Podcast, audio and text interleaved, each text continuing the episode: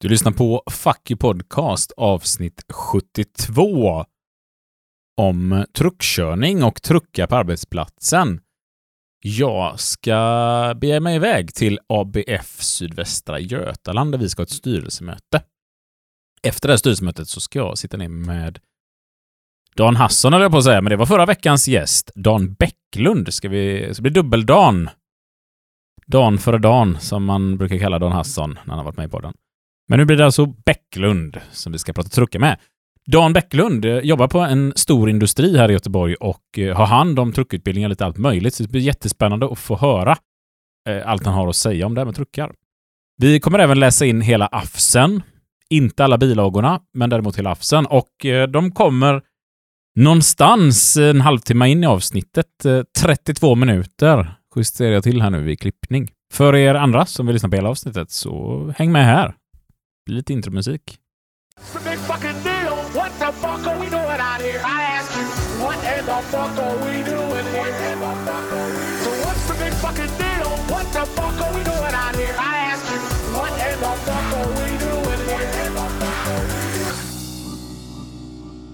Här sitter vi på Folkets hus i Mölndal, Möllan som det heter. Dan Bäcklund har jag med mig i studion, eller på att säga, men det är det inte, utan i Folkets hus. Tack, säger jag. Vi har ju, dels har vi haft ett eh, styrelsemöte här på slut. Vi sitter båda två i ABF Sydvästra Götalands styrelse och sitter och tar beslut för hur vårat, eh, våran ABF-avdelning ska arbeta egentligen. Och då tänkte vi, vad passar inte bättre än att stanna kvar i de här fantastiska lokalerna i Folkets hus och eh, köra ett litet avsnitt om någonting som jag har extremt dålig insyn i truckar och då är min pappa ändå truckförare. Så han sitter och skäms här nu nere i Göteborgs hamn någonstans. Jag hoppas att jag ska ha lite bättre koll än vad du har på, på truckar eftersom jag faktiskt håller i truckutbildningar på det företaget jag jobbar på. Vilket är ett, eh, ett kullagerföretag i Sverige, som i Göteborg. Det, största sånt också kanske? Ja, fram, framförallt. Vi ja. nämner inga namn på företag i alla fall. Nej, nej det, det ligger i Gamlestaden i Göteborg. Vi kan kalla det svensk kullagerfabrik. Ja, precis så startade 1907 så att sen behöver inte säga, säga så mycket. Och du, vad, vad, har du för, vad är ditt arbete där? Ditt vard, vardagliga arbete? Ja, det är en bra fråga, det beror på vem du frågar. Jag är anställd som eh, operatör på tvåskift i eh, en av våra kanaler i fabriker i där uppe. När jag är där så jobbar jag med montering av stora lager på den här lagerfabriken. Men det är inte det enda du gör, för du har också en massa fackliga uppdrag och lite uppdrag som inte ens är fackliga men som ändå kommer in på arbetsmiljö och sådär. Ja men faktiskt. Eh, om vi ska ta mina fackliga uppdrag så eh, började jag egentligen runt 2005 som skyddsombud. Alltid varit intresserad av människor, om, eh, om människor och arbetsmiljö, säkerhet. Vilket jag egentligen eh, började intressera mig för många år tidigare. Eh, jag jobbade även 20 år som, som ordningsvakt eh, ute på en del krogar och nattklubbar i stan och, och så vidare. Eh, men sen så eh, höll jag på, och jobbade några år som, som skyddsombud och eh, det blev ganska mycket jobb där faktiskt. Det blev rätt vanligt att folk undrar vad man sysslar med när man liksom är liksom borta på utbildningar och, och projektarbeten och grejer. Om man frågar, frågar vad, eller när, när, de, när de tycker att man, när man är närvarande i kanalen liksom, eller där man jobbar liksom, så, så eh, om man säger att ja, men om vi är fler som är skyddsombud så delar på det så, så blir det mindre, mindre till var och en. Men, men efter det så har jag fått hålla på själv i alla fall. Eh, men i alla fall, det gjorde bara som skyddsombud och sen eh, några år senare så fick jag faktiskt frågan eh, om jag ville sitta med i vår gruppstyrelse, en av gruppstyrelserna på företaget. Jag tackade nej till en början. Kom hem till min fru som är oftast mycket klokare än vad jag är. Ja, det tar emot att erkänna. Och sa det att fan, det var jättesmickrande att jag blev tillfrågad och eh, hon eh, tittade på mig och sa liksom, hur tänkte du nu? Du har gått och gnällt på att facket gör ingenting och det, fan, vad, vad sysslar de med egentligen nu i flera år och så får du chansen att vara med och påverka och så säger du nej och så dagen efter gick jag dit och så tackade jag istället. Och där började jag att sitta med då som, som eh, ledamot i vår gruppstyrelse, en av våra gruppstyrelser. Tyckte det var jätteintressant och eh, roligt uppdrag, vilket gjorde att jag fick mer smak. Fick frågan om jag vill sitta med i vår studiekommitté på företaget. Tackade ja den här gången. Och sen eh, har det bara liksom rullat på. Jag sitter, eh, nu har jag lite andra uppdrag också där, jag sitter med i vår mångfaldsgrupp bland annat. Gruppstyrelsen, eh, studiekommittén som sagt. Ja, sen har, ja, sen har jag suttit med i klubbstyrelsen, men det gör jag inte just nu då. Men, men eh, det är väl lite grann, lite grann det jag gör just nu, den fackliga biten. Förut, förutom mina, mina fackliga uppdrag på företaget, så, så ett annat uppdrag jag har det är ju, eh, jag sitter med i eh, vår centrala truckgrupp på företaget. Där vi tittar liksom då på vilka leverantörer ska vi använda, vilka, vilka, utbildare, vilka utbildare ska vi in eh, förutom mig. Ja, men överhuvudtaget, vi tittar på interna säkerhetsregler kring truckar. Hur ska de se ut och vara utformade? Och det gäller för hela sajten. Så så Vi är uppdelade i olika fabriker och där har vi lokalt i den fabriken där jag, där jag jobbar också startat upp en lokal truckgrupp för att titta på de truckarna och så vidare i, eh, i våra fabrik. Och där sitter jag väl med då som utbildare och kunnig. Och, eh, sen som, som du sa Isak så, eh, så kör jag ju eh, en del utbildningar för eh, företagets räkning, räkning också, eh, som inte är rent fackliga, utan, eh, men ändå där man behöver hålla koll på lagen och eh, hur vi jobbar med vårt systematiska arbetsmiljöarbete och så vidare. För det är oerhört viktigt i det jag gör nu framförallt. Eh, och det jag gör mest faktiskt nu för tiden, det är att köra utbildningar, eh, truckutbildningar och eh, även eh, lyftdåsutbildning på, på företaget. Jag har väl utbildat en, eh, lite drygt 100 personer i truckkörning, blivande truckförare. Även drygt 100 personer i lyftdon så att, eh, det blir några stycken och på ganska kort tid där också. Ja, men eh, jag vill ändå bli en del. Jag har ju faktiskt förmånen också, inte bara utbilda våra nyblivna truckförare och så vidare och eh, nyanställda och så vidare. Utan vi har ett gymnasium kopplat till det här företaget som jag var Jag utbildar även eh, våra gymnasieelever som ska ut och ha praktik och sommarjobba på företaget. Jättekul, jätteroligt att jobba med ungdomar. Är det roligare att jobba med dem än med de vuxna? Eller är det... Eh, det är väl annorlunda kan man säga. Eh, Vilka gör mest hyss? Eller de skötsamma allihopa? Man kan säga, jag tror, jag tror, om man säger så här, om man skulle vara lite politisk, så, så eh, ungdomarna kanske får mer hyss medan eh, våra äldre medarbetare kanske har en liten annan eh, jargong än vad de yngre har, eh, som kanske inte alltid passar. Så lämnar vi det så? Ja. Uh, jag, jag kan eh, bara sen, få tala om så, liksom när vi utbildar ungdomar, vilket man inte råkar på så mycket när man utbildar äldre, utan det är, hade en klass, hade kört, vi kör ju lite hinderbanor och grejer och så med, med, med när vi liksom tittar på manövrering av truck och så vidare och hur vi ska göra. Utan, när den första hade kört så, så, så började man ta tid sen från varandra. Liksom. Och jag försöker så mycket, så mycket jag kan trycka på säkerheten och köra. Liksom, utan, och, det, och säga liksom att det här går inte på tid, kom ihåg det nu. Åh, nu körde du in på två minuter och tolv sekunder, nu ska jag slå där. Så att, eh, nej. Eh... Hetsar upp varandra där? Ja, lite grann. Ja. Så det får man vara lite hård. Låter bättre än min truckutbildning. Jag kan säga att jag gick i, eh, vad kan jag gått i sjunde klassen och sånt där, var ute på en praktikplats i en eh, ganska väldigt stor verkstad som lagar väldigt stora truckar, så kan man väl säga. Mölnlycke? Nej, nej, eh, inte där, utan på ett helt annat ställe. Vi ska inte nämna några namn idag, men eh, på fredagen så städade man och spolade golv och då var det väldigt roligt att ge sig ut med truckarna sen och slida runt helt enkelt. Och då fick jag en nyckel till en truck där och så äh, skulle vi snurra så mycket som möjligt på golvet. Jag hade aldrig suttit i en truck innan. Äh, så det var min truckutbildning där på ett stort seriöst företag. Äh, det kan variera lite kan vi helt enkelt säga här då. Ja, ingen är perfekt kan man säga. Men ja, kan man hoppas att det blir bättre. Jag antar att det var några år sedan du Det fick, var många, många år sedan. Det var det var många år sedan. Eh, jag tror inte man kan kalla det utbildning heller. Och det kanske är därför vi inte håller det här passet idag själva här i Fuck Podcast, utan väljer att ta in någon som faktiskt jobbar både mot medlemmar, skolelever och åt företagets räkning med att utbilda i truckkörning. Det skulle bli jätteroligt. Hur, hur, hur, blev du facklig från första början? Eller vad var det som fick dig att ta på dig ett skyddsombudsuppdrag? Ja, skyddsombudsuppdraget uppdraget var egentligen inte så svårt. Det var väl en blandning av det här klassiska som, som många andra skyddsombud gör, att det var ingen annan som ville göra det. Sen så har jag alltid varit intresserad som sagt av eh, säkerhet och människor också. Eller, eh, det som jag sa, det, det, det nog liksom därför jag kanske då också som jobbade som, som ordningsvakt eh, rätt många år.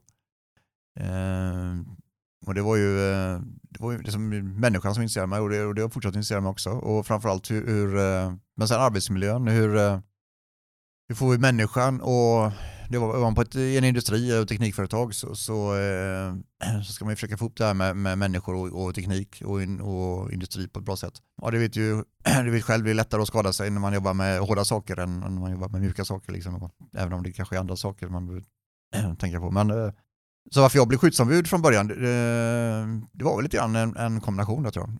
Sen är det ju fantastiskt roligt när, när man har gjort någonting Eh, du har fått liksom vara med och, och, där du kan se att du har medverkat och påverka din arbetsmiljö och eh, gjort något liksom där människor liksom, ja, de blir säkrare helt enkelt. Liksom Det är ju inte mycket som slår den liksom, eh, återkopplingen man får. Liksom, utan, fan, eh, varför du, ja, vad bra att vi gjorde det här. Att vi gjorde det här liksom, utan, och nu har jag ju förmånen, eh, ska jag säga, att jag jobbar på ett företag där vi har väldigt bra samverkan med, med chefer och så vidare. Då, att Eh, ibland ska jag vara ärlig så jagar de mig ibland liksom, för att de liksom har en, vill ha en, en eh, riskbedömning gjord eller någonting då. Eh, så att vi har väldigt bra samarbete där. Man har förstått värdet av att faktiskt jobba Ja. med de här punkterna. Absolut, det märks. Eh, Hur kommer det sig att du började just med truckutbildningen? För att steget är ändå en bit ifrån från skyddsombud och hålla på med det till att köra utbildningar i truckar. Ja, men det, det är faktiskt lite kul. Jag eh, började att hålla utbildningar i eh, lyftdon, eller egentligen i något vi kallar för tunga lyft, eller stropputbildning kan man säga då, för vi, vi hanterar ju produkter som väger flera ton. Det började och sen så hade vi ett behov av eh, att utbilda nyanställda och så vidare och och eh, folk som kom upp till oss i montering av våra stora produkter. Våra stora lager, vi konstaterat att det är en lager, eh, lagertillverkare jag var på. Eh, och eftersom jag hade jobbat med montering själv i rätt många år, eh, av de här lagren, så, så, så tänkte jag att det kan vara kul att utbilda andra i det här också så att man gör det på ett säkert sätt. Man slipper ha folk som blir av med fingrar, tyvärr. Hade jag ändå kört utbildning ett tag i just montering och i, i lyftorn och där. När eh, en av mina, en av cheferna som eh, jag hade då frågade om jag var intresserad av att hålla utbildning i eh, lyftorn. Som till mycket annat jag så svarade jag. Och jag tycker ja, men det hade varit jätteintressant. Eh, så det, ja, men det gör jag gärna. Och, eh, så då skickade han mig, skickade, skickade mig på eh, utbildning då. Och den utbildningen var då på ett av våra stora trucktillverkarföretag som håller i utbildningar här, här nära Göteborg. Då går man ju den här instruktörsutbildningen liksom, i lyftdon. Och då så började jag hålla utbildningar i lyftdon. Eh, och sen så såg jag att det fanns ett behov av, av när det kom, vi fick nyanställa och så vidare. Och för, det var inte alltid eh, man kunde anlita det ordinarie truckutbildarföretaget så att säga då, för att de kanske inte hade ja, lediga tider när det behövdes och så vidare. Så det fanns ett behov av att ha kanske då en truckutbildare i fabriken och frågade om jag var intresserad av att köra dem också. Och så bara, ja gärna. Så det dit igen, utbilda mig till instruktör på det företaget, eh, instruktörsutbildning där. Och eh, sen på den vägen ner tillbaka och så började jag utbilda i truckkörning. Tanken var ju att jag bara skulle eh, utbilda de, våra lokala i just i den fabriken. utan- Och det pratar vi om kanske då en, en eh, 15-20 stycken per år. Men sen har det ju liksom eskalerat, eskalerat lite grann då. Eh, vi anlitar även andra externa eh, utbildningsföretag för jag, jag, kan inte, jag hinner inte utbilda alla våra anställda på truck En. än. Nej, precis. Ja, du har mycket andra uppdrag också. Så försöker vi stjäla dig till att hålla massa utbildningar också. Ja, men ja, det, du håller en hel del andra utbildningar också vet jag. Ja, det gör jag. Eh, och det kanske vi hoppas vi kan gå in på en, en annan tillfälle. Det är ju tanken här att eh, du ska få komma hit och prata lite ledarskap kan man väl säga. Ja. Psykologi, sparar vi på det? Det blir den som en cliffhanger här till lyssnarna. Ja, nej, men det ser jag fram emot. Det ska bli jäkligt roligt faktiskt. Eh, och viktigt. Men för att återgå till truckarna då, så, så började jag att utbilda i då, de som kom just i den fabriken det jag är i då. Och sen har ju då de, eh, så började jag skolan, skola, gymnasien som är kopplade till oss. Eh, efterfrågade om jag kunde utbilda ungdomarna som kom ut i praktik. Ja, absolut. Sen så började jag ju då eh, andra fabriker eller andra avdelningar runt om i samma företag.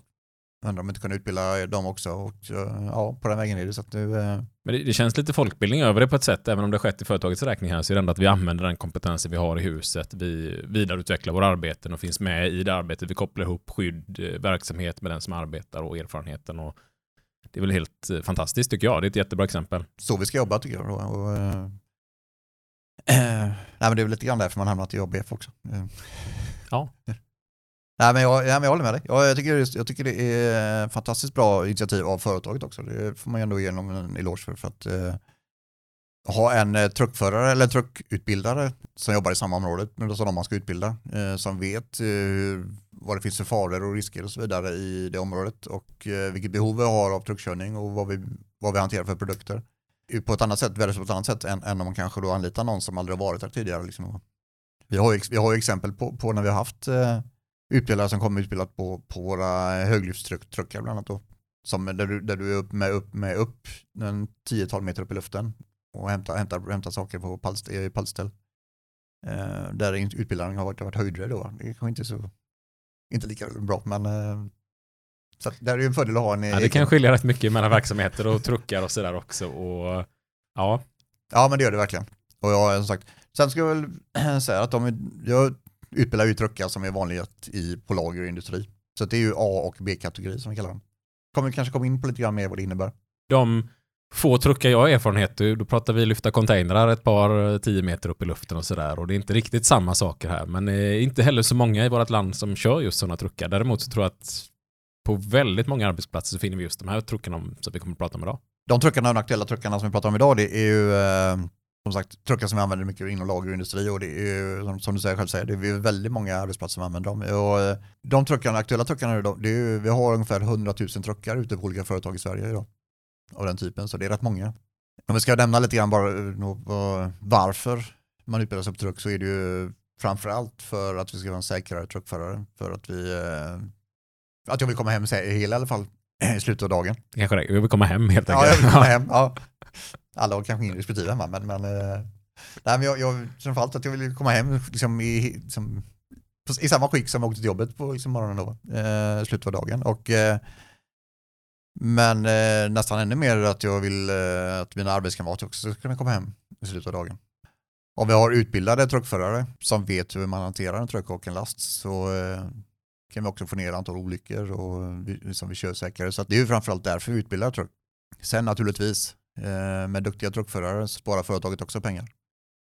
Ja, det kan vara ganska rejäla pengar man sparar på en enda olycka. Definitivt. Många av oss har säkert varit inne på YouTube någon gång och tittat på, på eh, truckolyckor när, när lager som faller ihop som korthus eh, för att man kört på en, eh, ett pallställ kanske. Liksom. Ja, men vi kan väl dela lite på våra sociala medier här, lite truckolycksfilmer och kanske den här Stapelfahrer Klaus eh, som är en klassiker för många skyddsombud. Ja, så kan, får, så får man en bra bild. Ja, men det är precis det. Kanske inte den mest pedagogiska filmen, men, den, är, den är ganska rolig och, tyvärr kanske och det är lite grann också vad som kan hända. Liksom. Ja, och har ni inte sett Stapelfahrer Klaus så gå in och följ oss på Fuck Podcast på sociala medier så kommer filmen länkas där någonstans. Den är på tyska men, men eh, jag, tror, jag tror ni förstår innebörden. Man förstår andemeningen i, i filmen här. Väl, väl eh, investerade minuter att titta ja. på den. Aber Klaus, du weißt doch, das Anheben von Personen auf den Gabelzinken ist nicht erlaubt. Nee, du kann ich nicht machen, ist zu gefährlich. Mensch, guck doch mal. Nehmen wir hier die Palette und dann ist das total sicher. Ah, der Kollege hat eine Lösung gefunden. Aber vorschriftsmäßig ist auch das nicht. Im Gegenteil. Und schon passiert es. Die Palette kippt, Verlust des Gleichgewichts, Absturz.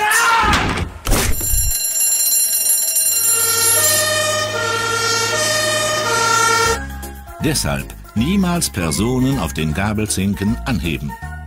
Bei besonderen Einsätzen eine speziell gesicherte Hubarbeitsbühne verwenden.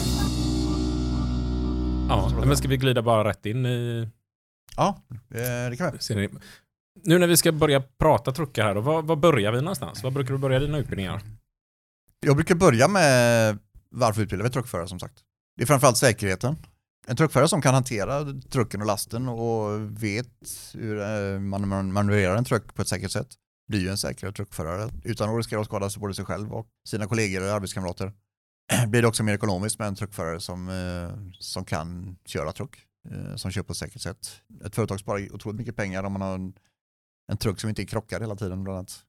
Både skadorna som kan bli av krocken, eh, reparationskostnader på trucken och framförallt också arbetsskadorna som kan uppstå om någon skadar sig. Ja, definitivt. Så kan vi lyfta perspektivet då att, att en truckförare som exempelvis, om vi är lite cyniska nu, som går bort på grund av en truckolycka så försvinner väldigt mycket skatteintäkter också. Så det är ju också ett samhällsansvar man tar, att man ser till att man utbildar sina truckförare. Ja, men absolut, absolut.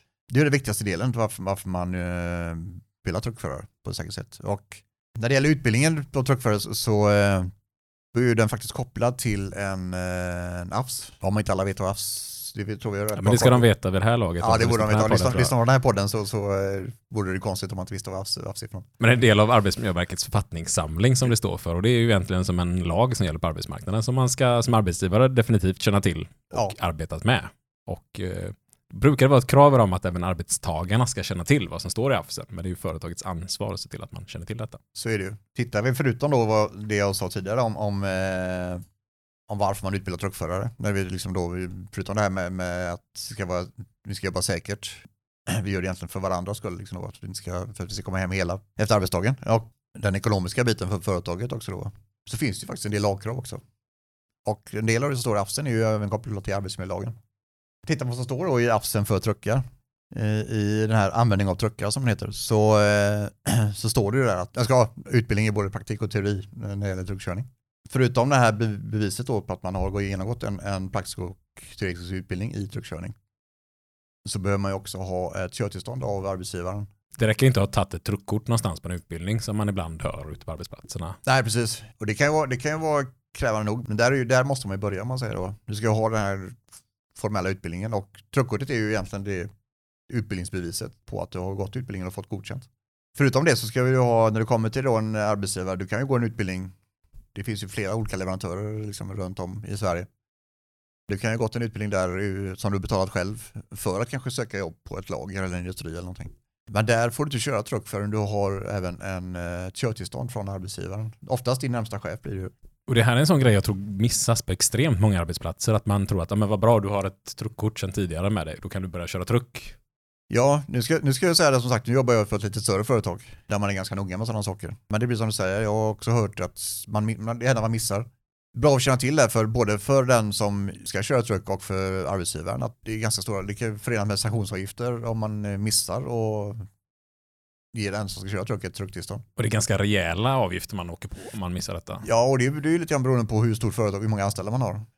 Men eh, Säg att man har att, 15 000 per anställd man säger och har man då en, en, en företag där har mer än 500 anställda men då är det uppe på maxbeloppet. Liksom. Det kan bli 150 000 i det området.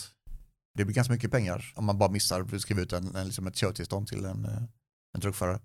Det är ju också så att om det händer någonting, det blir ett myndighetsärende av det kanske då, eller Arbetsmiljöverket om kommer och tittar i en utredning, så man, man upptäcker att man, mm, truckföraren har inget körtillstånd. Han har gått truckutbildningen, har truckkort men har inget körtillstånd. Så det ska man komma ihåg att det är inte truck, den som kör trucken är det som, som får betala och killa ut, utan det är företaget, arbetsgivaren som får betala. Så det, nu har vi som sagt, eh, nu har jag som sagt förmånen att jobba på företag som är väldigt noga med, det brukar oftast fungera, just de bitarna fungerar väldigt bra. Det kan finnas en hel del företag ute som, som, som du säger, man kanske inte Oftast så kanske man inte känner till vad som krävs utan eh, man ser bara att eh, den som kommer med ska köra trucken har ett eh, truckkort och eh, jättebra, kul, vad bra att du har tagit det där och så eh, här har du en truck så kan du sätta den och så kör, kör du liksom då. Ja, men vi hör ju det från mycket av våra regionala skyddsombud när de är ute att det är en sån sak som missas på extremt många ställen att man, man bara ser att ja, men du har ju gått en utbildning så att du får köra truck och det är bra, så varsågod, kör liksom. Det räcker inte. Nej, och det, där, eh, där finns det också, som jag tyvärr inte håller i men där finns en eh, ansvarsutbildning som eh, faktiskt flera, en del av de här truckutbildningsföretagen också håller för just arbetsgivare, chefer och så vidare. Där man tittar, tycker väldigt mycket på, på vad, vad arbetsgivaren får ansvar och skyldigheter. krävs en hel del kunskap även från chefens sida. Liksom. Och vi kommer, jag tänkte komma in på det också, liksom, vad, vad, vad som krävs därifrån. Om man då utgår från det vi kallar för truckläroplan 10, eller TLP 10 kort och gott. Det är ju det framtaget för att eh, få ner de olyckor och tillbud och så vidare där, där truckarna är inblandade. Alltså branschorganisationen har ju kommit fram till att eh, den truckläroplanen eh, behövs, eller den truckläroplanen gör att, att man eh, på ett så säkert sätt som möjligt utbildar truckförare. Mellan 2017 och 2021 så skedde det i genomsnitt 1200 olyckor med truck inblandade med en eh, sjukfrånvaro som följer efter. Tyvärr så, så eh, har man ett snitt på sju dödsfall per år under dessa år. Tittar man på de vanligaste skadorna så är det ju fot och fotled. Och det är oftast när man kliver ut och in i trucken. Där man kan trampa snett eller hoppar ur trucken. Sen har man, ser man även skador på rygg och ben. Ryggen är ju oftast man sitter i kanske då i en truck med ett dåligt säte till exempel. Där man har en, en, en dämpning som inte funkar eller ett säte som är trasigt. Och ryggen får ta väldigt mycket stötar. De flesta olyckorna sker på eh, lagerindustri. Det är ju där man använder mest truckar. Vad kan man då göra för att försöka få ner olyckor och dödsfall? Ja, framförallt så behövs det göras en ordentlig riskbedömning om man ska köpa in eller hyra en truck till företaget. Sen behöver man ju följa de bestämmelser och regler som gäller. Tittar man då för oss som utbildar i truckkörning, att vi följer TLP 10, som är, som sagt, som är den där truckläroplan som är framtagen av branschorganisationen det är ju eh, åratals eller decenniers av erfarenhet som, som, är, som ligger till grund för den här truckläroplanen. För oss som använder truck, att vi då följer de bestämmelser och regler som gäller. Olyckorna sker oftast när man tänker, jag ska bara. Och jag tror vi är, många av oss har, har den erfarenheten att det är då man klämmer sig eller det är då man, man eh, kanske kör på någonting, det går lite för fort, eh, jag ska bara göra det här och så, så är vi klara sen. Utan låt bli det följ de regler som gäller. Eh, och tar vi exempel det här med hastighetsbegränsning på åktruckar som finns så kör inte fort, även om trucken ska gå fortare, kör inte för fort. Som regel så vinner vi inte någonting på det. Följ det man har lärt sig på truckutbildningen bland annat. Rapportera, hittar man upp fel och brister på truckarna, rapportera. Anmäl det direkt. Det gäller både truckar och eh, fel på trucken, man hittar fel på trucken eller om, eller om man hittar någonting, en last som kanske man inte bör eller får hantera eller något annan, annan brist eller, eller, eller någon annan risk i användandet av truck. Rapportera det direkt till eh, arbetsgivare, oftast är det närmsta chef eller så här. För om inte de får reda på det så, så ja, men då kan de inte åtgärda det heller. Det är när vi använder bristfälliga maskiner som, som olyckorna händer också. Det är lite grann, det är ju egentligen essensen i, i truckutbildningen, alltså det, det är ju, eh, hur får vi ner olyckor och riskerna runt truckanvändningen.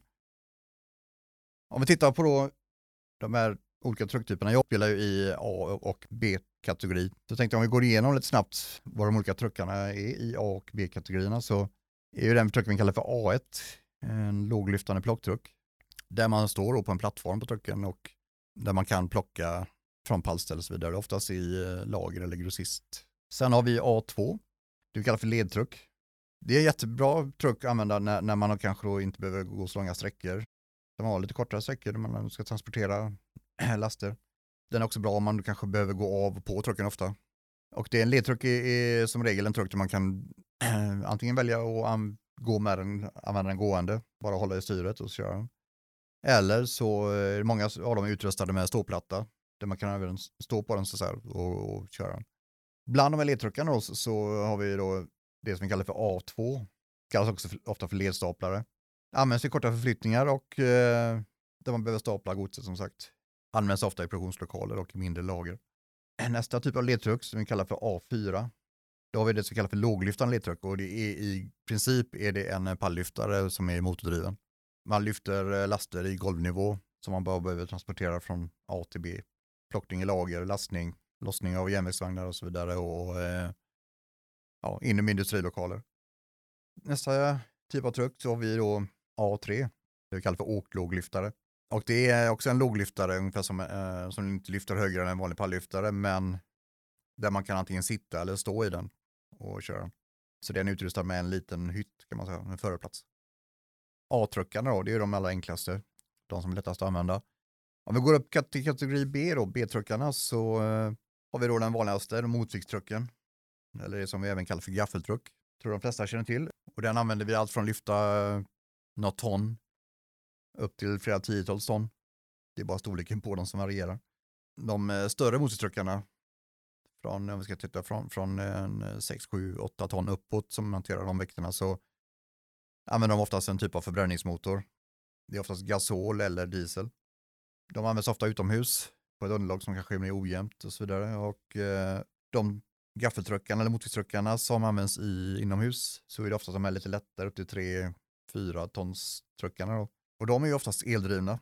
Det blir mer och mer vanligt med eltruckar. Tittar vi på eltruckarna så drivs de av eh, antingen blybatteri eller som nu då på senare år litiumjonbatterier. Vilket också har en jättefördel när, vi, när man tittar på det här med, med laddning av dem. Går vi vidare till eh, inom B-truckarna till B2 så är det vi kallar för åkstaplare. Truck med, för, med förarplats där du kan sitta och, eller stå. Där man då staplar gods upp till en 4-5 meter över trucken. Staplar man i den höjden så kan de även vara försedda med, med sidostabilisatorer för att de ska vara mer stabila och inte välta. Går vi till nästa kategori, eh, B3, det vi kallar för skjutstativtruck. Det är ju en truck som, som eh, framgår av namnet, eh, de har ett, ett lyftstativ som eh, kan förskjutas i truckens längdriktning. Den fungerar eh, både enligt stödbenstrucksprincipen och motviktstrucksprincipen, alltså att när man har stativet indraget så fungerar den som, som en stödbenstruck. Lasten fördelad mellan stödben, mellan hjulen så att säga. När man då ska lossa och hämta last så eh, skjuter man ut stativet och då fungerar den som en eh, motviktstruck där man har lasten framför hjulen. Den eh, tar mindre utrymme än en eh, motviktstruck eller gaffeltruck. Den har ganska hög kapacitet också så att, eh, det är ett bra alternativ där man har lite trängre utrymmen. Man behöver ändå ha en truck där man, eh, med gafflar när man vill liksom, eh, hämta och lasta last från pallstil till exempel. Tittar vi vidare sen på kategorin kallad för B4 så är det en eh, plocktruck med förare i, på förarplats där man från plattform kan eh, manövrera trucken. Den kan ju ta, ta det upp till höjd upp till en eh, 12-15 meter. där är det väl bra kanske om man inte lider av svindel när man är där uppe på den höjden. Annars är den ganska rolig att köra. Nästa trucktyp så är det B5. Det är ju smalgångstrucken. Också en höglyftande truck som sidstaplar gods i pallställ. Där har man då stativet som kan vridas 90 grader åt bägge hållen för att hämta pallar från pallställ på hög höjd. Den är bra för som sagt smala truckgångar där man behöver liksom spara eh, plats på grund av utrymmesskäl. Liksom men behöver ändå ha en truck som kan komma in emellan. Och tittar man då på sista typen i B-kategorin där så är det fyrvägstruck. Det är en eh, variant av skjutstativtruck där eh, stativet går att skjuta fram och tillbaka men där trucken också kan åka i alla fyra riktningar så att säga. Då. Så att du ska ut med den sen och du har kanske trångt, den är, används ofta till när du ska hämta långa laster. Så att säga. Det, hos oss handlar det om kanske att hämta långa rullstänger som är en eh, fyra meter långa. Då är det praktiskt att kunna köra den i sidledes istället då när man åker därifrån. Istället för att börja försöka krångla sig ut härifrån eh, framåt. Då. Den är jättebra att hantera långgods med.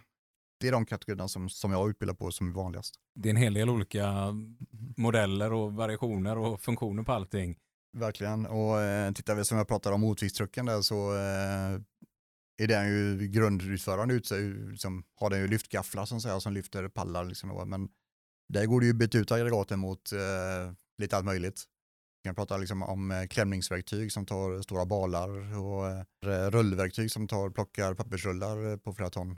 Och det blir svårt i det här poddavsnittet att liksom säga så här, ja men hur gör vi när vi riskbedömer en sån här truck? För att redan nu förstår man hur extremt många olika variationer det är, hur många olika typer av lyft det är.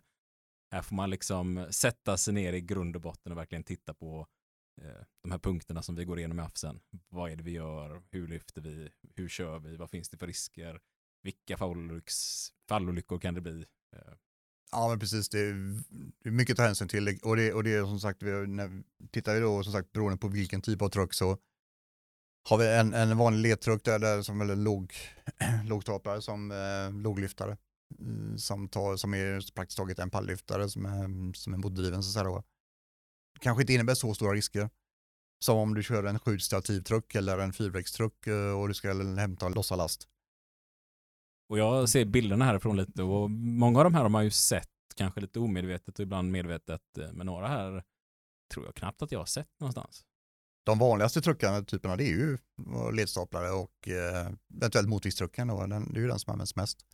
Men allt det där det handlar ju om en riskbedömning som sagt. Och, och eh, då får man ju även, då är det ju dels tittar vi går tillbaka till AFSen som vi pratade om så, så är det ju eh, dels då AFSen användning av truckar, om man tittar i den och sen så har ju du haft AFSen för systematiskt arbete och till viss del arbetsplatsens utformning också då. Om vi börjar läsa då första paragrafen, eh, tillämpningsområdet är det. Dessa föreskrifter gäller användning av truckar och utbytbar utrustning till dessa. Föreskrifterna gäller med undantag av åttonde paragrafen även andra mobila maskiner när de används med gaffelarmar eller annat lyftaggregat med liknande funktion på plana och K-gjorda underlag och för annat ändamål än byggnads och anläggningsarbete. Det är ju det som definierar vilken typ av truck som, som eh, menas. Om man säger då. Eh, där vi då på andra mobila maskiner så menas ju där även som sagt teleskoplastade containertruckar och så vidare. Då.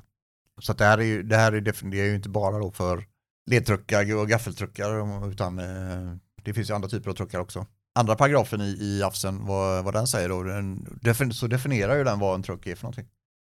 Den säger då att truck är en självgående arbetsutrustning avsedd att med gafflarmar eller andra lyftaggregat med liknande funktion lyfta, sänka och bära gods inom ett begränsat område och huvudsakligen används på plana eller hårdgjorda underlag.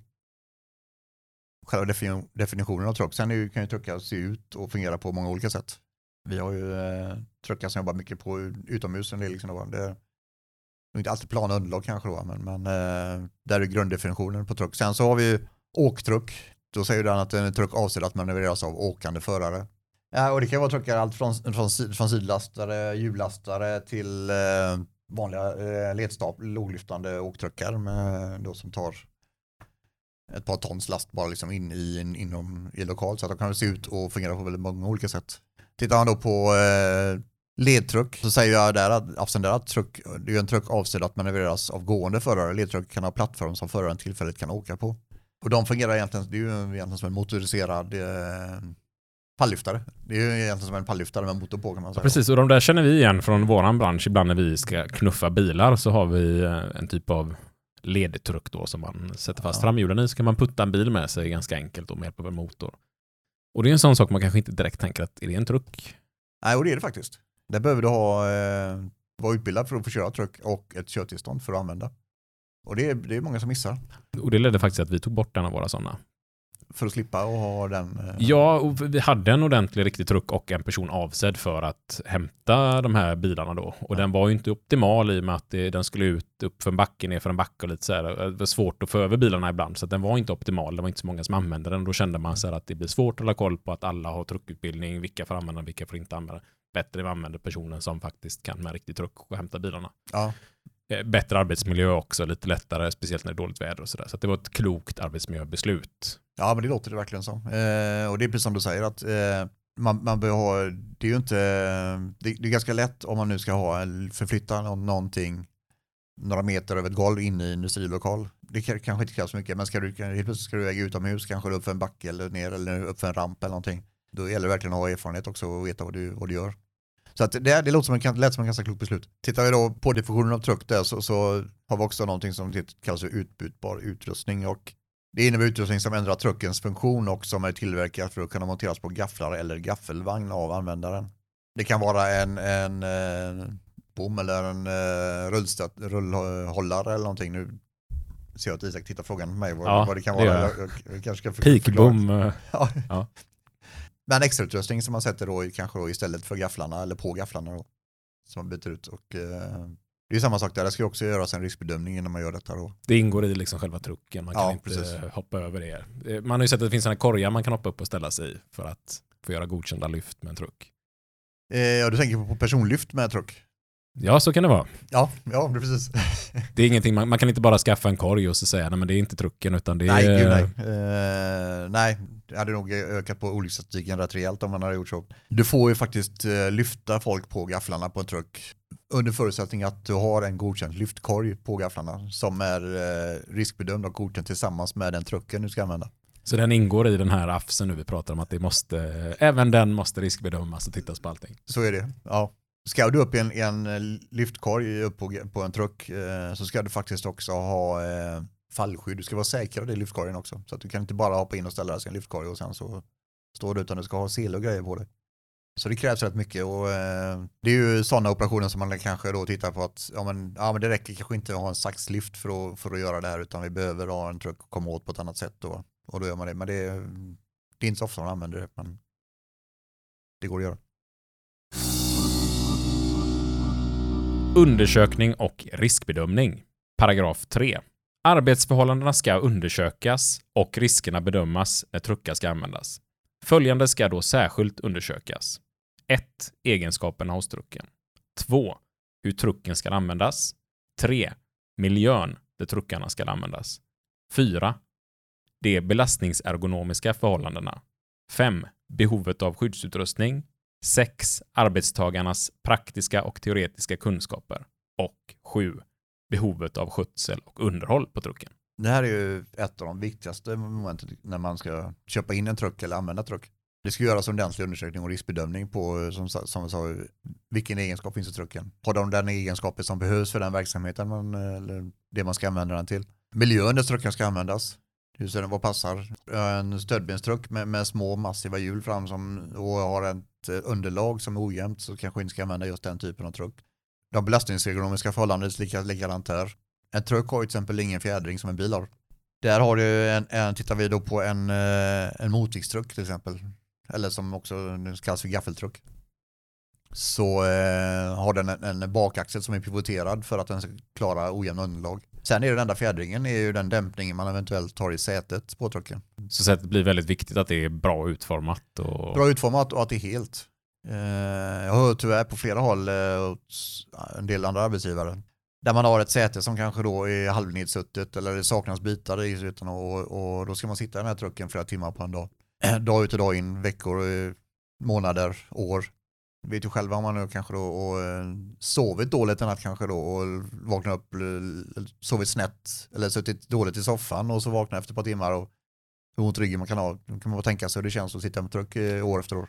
Precis, åtta timmar om dagen, 220 dagar om året kanske då i Ja. 40 års tid. Ja. inte så bra. Så det är jätteviktigt att, att eh, man tittar på trucken, att, att eh, även de bitarna, att eh, sätet är helt, att det finns en dämp, dämpning i det. Så säga, då. Och det kan man väl bara tänka på själv när man, man hör ofta i folk som ska köpa en ny bil och sådär och så vill de provköra och sitta i sätena och man hör ofta ibland folk klaga, åh jag hade en sån dålig bil, satt i tre timmar och körde till Malmö eller vad det kan vara va? och så klagar de på hur dålig och obekväm stolen var.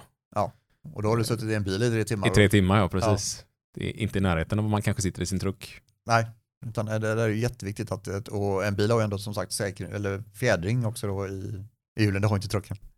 Sen tittar jag på eh, behovet av skyddsut, skyddsutrustning som sagt. Och där eh, står ju också i appsen att en truckförare ska ha skyddsskor.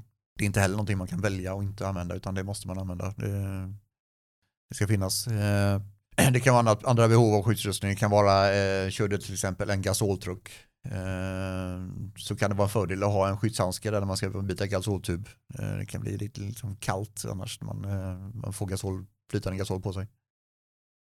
Och sen tittar man på, på arbetstagarnas praktiska och teoretiska kunskaper. I arbetsmiljölagen eh, där, står det till exempel i tredje kapitlet, tredje paragrafen att eh, arbetsgivaren ska förvissa sig om att arbetstagaren har den utbildning som behövs och vet vad den har att iaktta för att undgå riskerna i arbetet. Och det blir som de säger i appsen där att arbetsgivaren ska försäkra sig om att eh, arbetstagaren har de praktiska och, och teoretiska och praktiska kunskaperna som krävs då för att köra truck. Då. Och sen tittar man då på, på behovet av skötsel och underhåll av trucken. Det ing- ingår ju också i den undersökning eller riskbedömning som ska göras. Att man måste känna till vad är det vi måste kolla på med truckarna. Ja, precis. Kör man en, eh, en truck som, som är inomhustruck, till exempel en gaffeltruck inomhus, så, så har du, kanske du inte behöver ha luftfyllda däck till exempel på trucken. Eh, Du har massiva gummidäck. Du behöver liksom inte tänka på att fylla på luft. Ska du köra utomhus med den, ja, men då är det, kan det vara en fördel att ha luftfyllda däck. Eh, Och då behöver du också veta hur du ska fylla på luft och så vidare på ett säkert sätt. Det är samma sak eh, om du ska byta batteri på den. Den typen av skötsel. Nu ser vi ju tack och lov allt som oftare att vi får in mer, mer litiumjonbatterier, truckar som, som går på litiumjonbatteri. Vi slipper mycket av de här riskerna som, som blybatterier innebär med, med knallgaser som kan bildas, eh, syradimmer och eh, blyförgiftning och så vidare om, och, som man kan råka ut för. Eh, litiumbatteri är ju eh, i praktiskt taget eh, underhållsfritt. Den, eh, de är ju naturligtvis mycket dyrare än, en eh, blybatteri men, men de håller längre, de är lättare att sköta om. Du behöver liksom inte fylla på batterivatten på dem och så vidare utan till skillnad från en blybatteritruck som du behöver stå på laddning i mellan 6 och 12 timmar för att få en full laddning så, så, kan du ställa en, en eh, litiumbatteritruck på laddning i en, en halvtimme och sen så kan du fortsätta köra den igen tills det är dags att ladda den igen. Den, kan du ladda, den behöver du inte ladda upp batteriet fullt innan du kör den utan eh, du kan ladda den kortare stunder så det finns många fördelar med den. Hos oss så är det ju vanligt med däckhotell och där har ju vi konstaterat att vi har många sådana här ståtruckar då. Man snabbt hoppar in och ställer sig och så, jag vet inte vad det riktiga namnet på de här truckarna är. Ja. Och då har vi kommit fram till att det måste finnas tak på en sån här truck om vi ska lyfta tunga, tunga däck som kan falla över föraren. Vad är de viktigaste sakerna att tänka på just när man ska bedöma miljön där man ska vara? Om vi nu går tillbaka till, till eh, systematiskt arbetsmiljöarbete där det ingår riskbedömning och eh, uppföljningar och så vidare. Eh, så ska det ju alltid göras en riskbedömning och vi gör ju det när vi, köper, innan du köper in en truck, innan du ska använda en truck så ska du göra en riskbedömning på vad du ska använda trucken till som sagt. I vilket område det ska användas till och så vidare. Och där är det, ser du som du själv säger att men, jag ser att jag ska upp i ett pallställ som kanske är en sex meter upp i luften och ska hämta ner en pall därifrån med som, som säger däck på. Och för att inte få dem i huvudet så ska du ha ett skydd. Och då har du gjort en, en bedömning att ja, men det, det finns en risk att, att jag kan få de här däcken i huvudet om man säger om jag tappar vallen där uppe. Eh, då ska det naturligtvis, naturligtvis finnas skydd på trucken. Och här kan det vara väldigt viktigt att man faktiskt inte bara blint lyssnar på de återförsäljarna, varken av truckarna eller av lagersystemet man har köpt. För det, det har man hört en hel del företag åka på dita på att ja, men det här är godkänt från trucktillverkaren och det här är godkänt från de som tillverkar lagerna. Ja. Men riskerna kan fortfarande finnas och då måste vi ändå åtgärda riskerna. Så att vi har haft ett par ganska besvikna chefer kan man väl säga. Som man, man har verkligen trott att man har gjort allt. Man har läst på, man har ställt alla frågor man kan tänka sig. Men man har kanske inte haft med skyddsombud som har tittat på riskerna just i verksamheten och då kan skyddsombudet sen konstatera att men här finns det ju risker vi måste bygga bort. Ja, och det där är ju tyvärr ganska vanligt. Och det gäller ju allt från små till stora företag. Att man, ibland gör man sak eh, med all välvilja, och absolut. eh, Och, men det kanske går lite fort ibland och blir lite fel. förhoppningsvis har man ju med skyddsombudet i någon, någon del där och kanske rätta till innan det blir allt för dyrt att åtgärda. Men, men, eh, Ja, men det kan också bli väldigt dyrt. Ja. Men då är man ändå skyldig att göra det och det kan bli jättetråkigt och framförallt för skyddsombuden som ska behöva ta upp det. Jag, jag minns mitt gamla huvudskyddsombud här som vi kommer ha med och prata vibrationer här om ett avsnitt lite längre fram. Han fick det här tråkiga uppgiften. Vi hade köpt ett bolag som hade köpt en verksamhet. När man kommer dit så ser man att det är helt fel truck på helt fel ställe. Och den är ganska nyinköpt precis innan vi köpte bolaget. Och så liksom tittar man så här, vad, hur fick ni in den här? Nej, det går inte, så de har byggt den här inne. det var ingen rolig situation som skyddsombud att behöva liksom tala om att den trucken får vi inte ha här. Nej. Vi ska byta den. Ja, men Ja. det går ju inte, den är ju byggd här, vi har inga garantier. Tråkigt liksom. Eh, men vad, vad, vad, vad roligt det var lättare varit om, om, vi hade, om vi hade pratat med varandra innan eh, ni körde innan. Precis, varit Ja. med från början. Men nu är det inga av de cheferna hos oss som var inblandade i det. Liksom, så det, är, inget- det är inget eh, som är deras fel alls. Så, utan, men där kan man ju bara se en verksamhet som inte haft det här fackliga tänket eller skyddsombudstänket, arbetsmiljötänket och så går man och litar på en tillverkare och så blir det inte bra. Så att man måste verkligen göra de här riskbedömningarna på arbetsplatsen med de inblandade som anställda. Ja men så är det och jag, jag, skulle, nog- jag skulle nog sträcka mig så långt att, att självklart är det viktigt att en arbetsgivare vet vilka skyldigheter och vilket ansvar de har. Sen så kan ju inte alla kan ju inte veta allt och, och eh, man, om man kanske inte har det tänket med sig så är det viktigaste är med och med tänket om, om samverkan, eh, samarbete. Vilket jag, utan att försöka skryta för mycket, men vilket jag upplever att vi har ganska bra på det företaget jag är anställd. Där man oftast tar med, har med sig skyddsombud och fackliga från början. Sen kan alla göra fel, absolut. Men, men eh, där man oftast har insett att, att men det är viktigt att ha med sig skyddsombudet och, och, och fackliga från början i- och att det blir riktigt gjort från med en gång. Ja, det blir som du själv nämner att det kan bli, det kan bli liksom en riktigt dyr historia om, om man eh, gör saker och, och, och så kommer man på det efteråt när eh, man ska göra en riskbedömning i eh, över tolv. Att eh, nej men så här, eh, det här går ju inte. Och så kanske då i bästa fall ska jag säga att man får göra om det och så eh, kanske man får köpa in en ny truck eller vad det kan handla om. I, I sämsta fall så blir det en olycka innan, det, innan man kommer till klarhet. Men precis, och det, någonstans så kände ju ändå de inblandade här att de var tacksamma över att få det till sig, som du säger, så att det inte händer en olycka. Och då uppdagar man att det här borde ni ha åtgärdat och så kanske man åker på ett fängelsestraff som arbetsgivare. Det är ju mindre roligt kanske, Ja, plus att någon har skadat sig. Så att, Och det vill ju ingen. nej, Eh, sura pengar, men bättre än som du säger att olyckan är framme. Ja. Paragraf 4. En ny undersökning och riskbedömning skall genomföras. 1. Om uppföljningen enligt sjätte paragrafen visar att befintliga risker inte stämmer med tidigare riskbedömning. 2. Om vidtagna åtgärder enligt femte paragrafen inte gett förväntat resultat. Eller 3. Vid förändringar i arbetsprocesser eller verksamhet. Och det är väl lite grann det vi var inne på, tänker jag. Att, eh, Tillbaka till systematiskt arbetsmiljöarbete. Vi, eh, man sätter sig ner och kollar efter en period igen. ja. Hur funkar det man utvärderar? Så det låter enkelt, men, men det är uppenbarligen inte så enkelt. Men, men, men eh, följ det systematiska arbetsarbetet. Alltså gör den ordentligt. Det är, när, man själv, när man själv gick, när man blev med skyddsombud i början, eh, man gick grundläggande skyddsutbildning, BAMmen som vi kallar den, och, eh, och sen så var det systematiskt arbetsmiljöarbete. Det är det grundläggande i, i eh, skydd och säkerhetsarbetet i ett företag. Det är helt fantastiskt när man väl får till det. Ja. Åtgärder. Paragraf 5. Med utgångspunkt i riskbedömningen ska alla nödvändiga åtgärder vidtas för att förebygga ohälsa eller olycksfall. Kraven i 7 till 22 paragraferna ska alltid vara uppfyllda. Vi får ju så långt som möjligt eh, göra vad vi kan i en riskbedömning för att förebygga ohälsa eller olycksfall.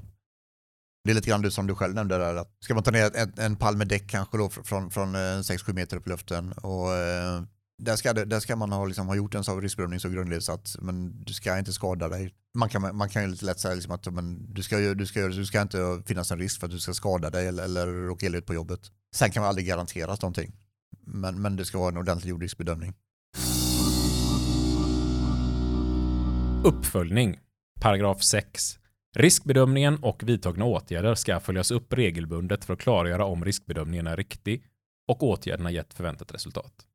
Så är det med det mesta. Bara för att man har gjort riskbedömning så kan man ju liksom inte förvänta sig att just de förhållanden på, på arbetsplatsen ska gälla för alltid. Utan saker ändras, saker händer liksom. Och eh, om man gjort riskbedömning så, så kan det inte komma kanske åtta år senare. Så liksom att då förväntar man att det ska vara precis på samma sätt. Utan det ska ju följas upp med, med, och då är ju tillbaka igen på det här med systematiskt arbetsmiljöarbete. Skyddsronder och så vidare. Eh, regelbundna kontroller. Titta så att man följer eh, det man har kommit överens om. Och det här kommer vi inte säga ofta på det, men även skyddsombud kan eventuellt ibland någon enstaka gång göra fel. Så är det. Tar emot erkännande, men ja. Krav på produkter. Paragraf 7. Om en truck eller utbytbar utrustning omfattas av svenska föreskrifter som överför EU-direktiv till svensk rätt när den släpptes ut på marknaden eller togs i drift inom EES gäller följande. Den får användas endast om den uppfyller kraven på beskaffenhet och information om användningen som finns i de föreskrifterna som gällde för den när den släpptes ut på marknaden eller togs i drift. Detsamma gäller en truck eller utbytbar utrustning som omfattades av motsvarande föreskrift i något annat land inom EES. Vad beträffar märkning, interaktiv programvara och bruksanvisning gäller vid användning dock alltid det krav på språk som följer svenska föreskrifterna. AFS 2010-15. ja har, man en gammal produkt så får man ju verkligen kolla upp så att den är giltig. Och det är nästan ett helt avsnitt bara i, i det kanske, så det ska vi inte gräva djupare nu. Ja, då, då, då kommer vi in på maskindirektiv och, och så vidare, så kanske inte ska fördjupa oss för mycket, för mycket där, men, men eh, den går ihop med, med truckanvändning. Det gör det. Paragraf 8 här. En truck eller utbytbar utrustning som inte omfattas av sjunde paragrafen ska uppfylla kraven i bilaga A när den används. En truck som endast i vissa avseenden omfattas av sjunde paragrafen ska i övrigt uppfylla kraven i bilaga A när den används. Ja, och eh, bilaga A, det är ju eh, bilagan som kommer längre bak i appsen, användning av truckar. Och den pratar lite grann om hur ska manöverreglagen vara märkt till exempel. Och, ha, eh, det finns särskilda krav för åktruckar. Kan vi ta det när vi kommer, kommer fram till den delen i appsen. Krav vid användning. Allmänt. Paragraf 9. Användning av truckar ska planeras och genomföras så att ohälsa och olycksfall i arbetet förebyggs. Och där är ju tillbaka på det här med systematiskt arbetsmiljöarbete som sagt. Med risk för att upprepa mig så, så, eh, så, så behöver man ju verkligen man behöver göra en ordentlig riskbedömning när man ska använda truck. Det vi gör i, eh, i truckgruppen eh, på, på min arbetsplats. Titta lite grann på vad, eh, vad behövs, vilken typ av truck behövs i vilket område eh, till, och till vad ska den användas och så vidare. Då. Eh, vilken typ av leverantörer ska man använda? Vad är det för gods man ska lyfta med den och vad är det för underlag den ska användas i på på så, här. så att det är rätt mycket saker man behöver liksom ta reda på innan man liksom köper in en truck. Det kan bli rätt fel annars. Det är lite grann den paragrafen säger egentligen. Paragraf 10. Truckar får bara användas i miljöer som är lämpade för truckanvändning. Ja. Lite inne på samma som du precis pratade om här. Ja, men faktiskt. Där, där är ju eh, dels att uh, titta överlag på vad, vad, vad är det för miljö man använder trucken i, men sen så också så har vi som sagt, som jag sa, har vi rätt, rätt truck i, på, rätt, på rätt plats. Och så då. Uh, Jobbar man i en sån här beachvolleybollhall så kör man inte ner en truck i sanden exempelvis. Det är kanske är jättedumt att göra det där. Uh, det blir svårt att få den därifrån. Det har gått runt någon bild på nätet också när de är i ett stort badhus och så har de kört ut en, eh, en truck på eh, en flotte mitt ute i en pool. Det ser också lite tvivelaktigt ut. Ja, det, det, det, ja, där vet jag om jag skulle godkänt. Men, men eh, sen, sen kan det verka vara att man, om vi har en fotbollsplan bredvid där man jobbar, liksom, man kanske inte ska köra ut med trucken där heller utan riskerar att fastna och det kanske inte är där du ska använda trucken. Så, så här, utan det blir framförallt både mycket säkrare och eh, billigare om man använder trucken där den ska användas. Man är inte ute och kör med den på alla dumma andra dumma ställen.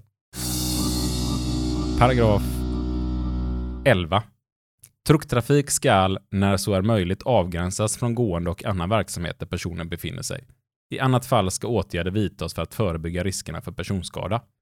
Särskild uppmärksamhet ska ägnas åt områden med begränsat siktfält i områden där trucktrafik kan förekomma utan förvarning för de gående. Där står också det att i möjligaste mån så ska ju man avgränsa området mellan eh, gångtrafik och eh, trucktrafik det är inte alltid det går. Vi har liksom stora lager där, där man behöver då, där man har eh, chaufförer som kommer in med last och så vidare och där, där man springer liksom i där truckarna kör och så vidare då, där man behöver befinna sig. Men, men eh, har man möjlighet så säger appsen att truckgången ska vara avskild på något sätt från, från gångtrafik. Eh, vi har bland annat gjort så här på, på företaget där jag jobbar att där har man målat truckgångarna i en annan färg än eh, än där man går. Så, så, då. så att man lätt och tydligt ska se vad truckarna, liksom där truckarna vad, där truckarna kör. Och som, precis som eh, paragrafen säger där så att är det svårt att avskilja det så ska man försöka att begränsa tillgången. Liksom. Det, kan, det kan vara med någon stängsel eller någonting då, så att man, man inte befinner sig i det området. Jag säger också att särskild uppmärksamhet ska ägnas åt områden med begränsat siktfält och områden där trucktrafik kan förekomma utan förvarning för det gående. Och det kan vara om man delar eh, port med trucktrafik eh, och gående till exempel. Så ska man ju som truckförare köra i mitten och när man kommer runt ett hörn eller runt i den porten. Ifall en gående kommer runt hörnet så, är det lätt, så hinner du upptäcka den. Sen också ett enkelt sätt, relativt enkelt bildsätt, är att sätta upp eh, speglar runt hörnen så att du kan se runt hörnen när det kommer en truck. Och jag tror inte om vi kommer in på det, men, men det finns ju, sen har du säkerhetsanordningar du kan ha på truckar för att uppmärksamma gående att en truck kommer. Vi har hos oss har vi något som kallas för blue spot bland annat, där vi har eh, blått ljus, en blå lampa som lyser eh, några meter framför trucken. Så att... Men det har de precis monterat på några av våra truckar också, det ja. reagerar jag på. Det var väldigt bra grej. Ja men det är det faktiskt. Det är lätt att se, ja men där kommer faktiskt trucken och eh, då blir man uppmärksam på det också, du ska flytta på mig då. Paragraf 12. Arbete med truckar ska organiseras så att sikten i körriktningen alltid är tillfredsställande från förarplatsen. Det är så, du ska alltid ha fri, sikt när du kör truck.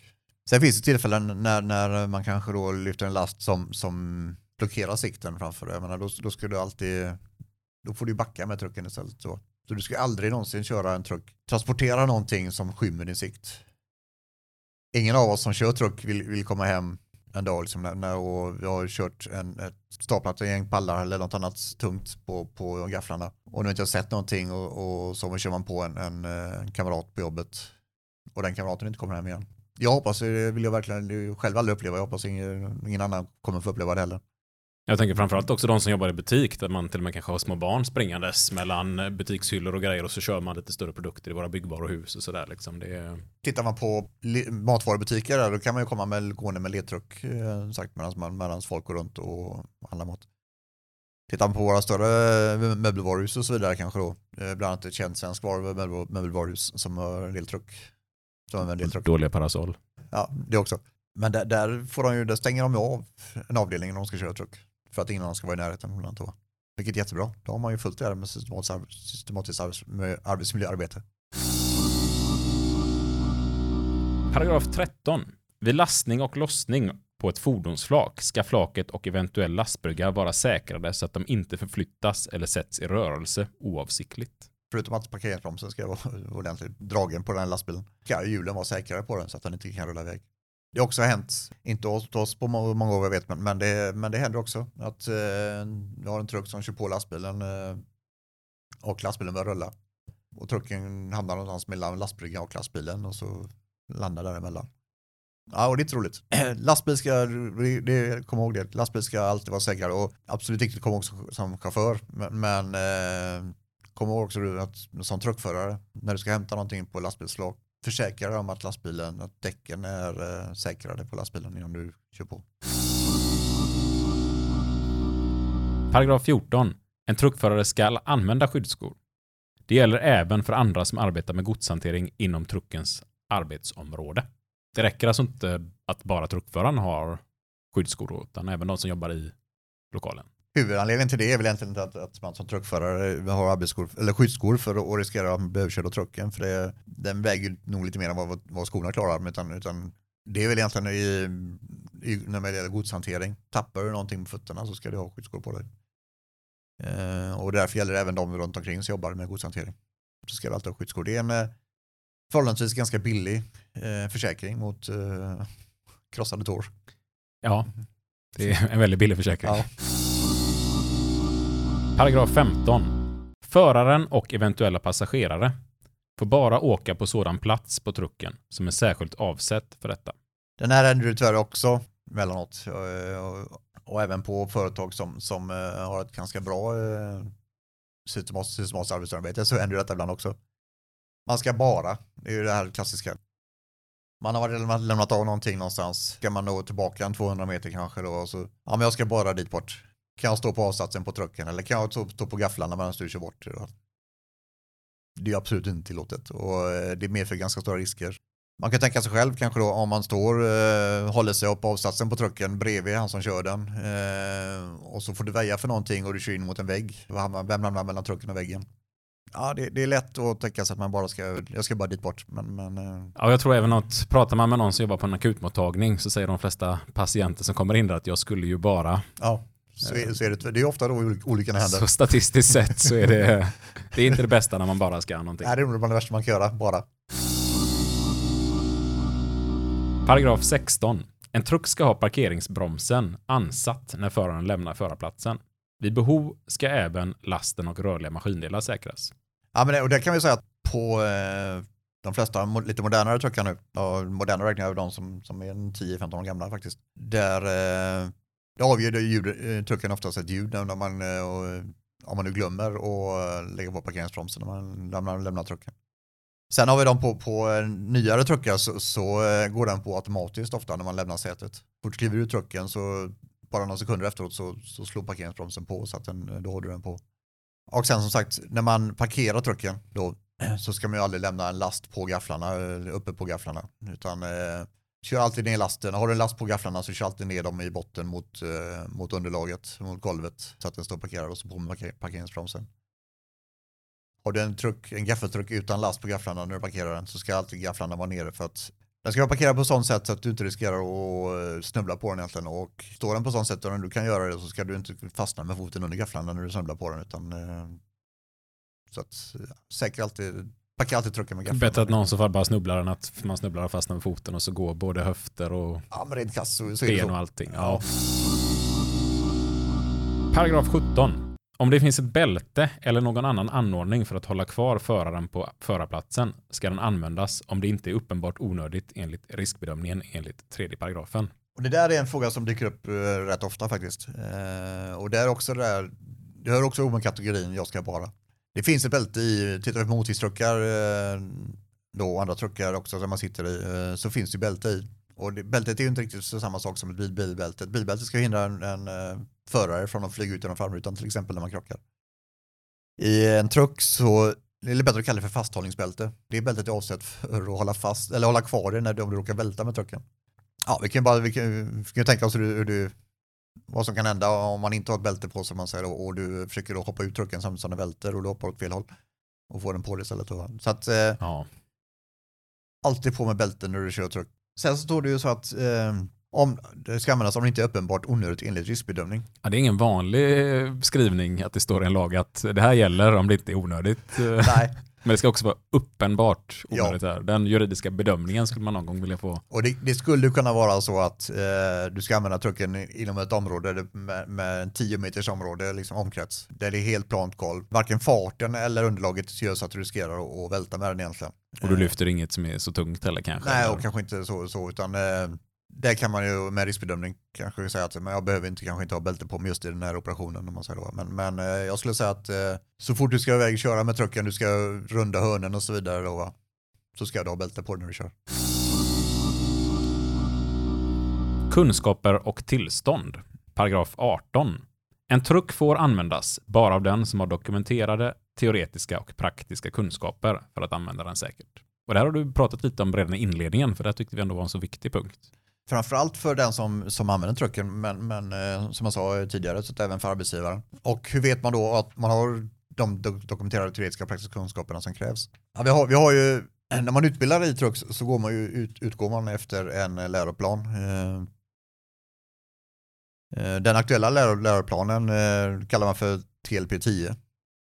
Alltså det står i, även om det inte är en, en, en riktig läroplan så, så, så står det för truckläroplan 10. Eh, 10 står för året eh, då den kom ut. Eller den reviderades så att säga då. Eh, den tidigare läroplanen kallas för TLP2. Den gjordes eh, 01, eh, började gälla 02.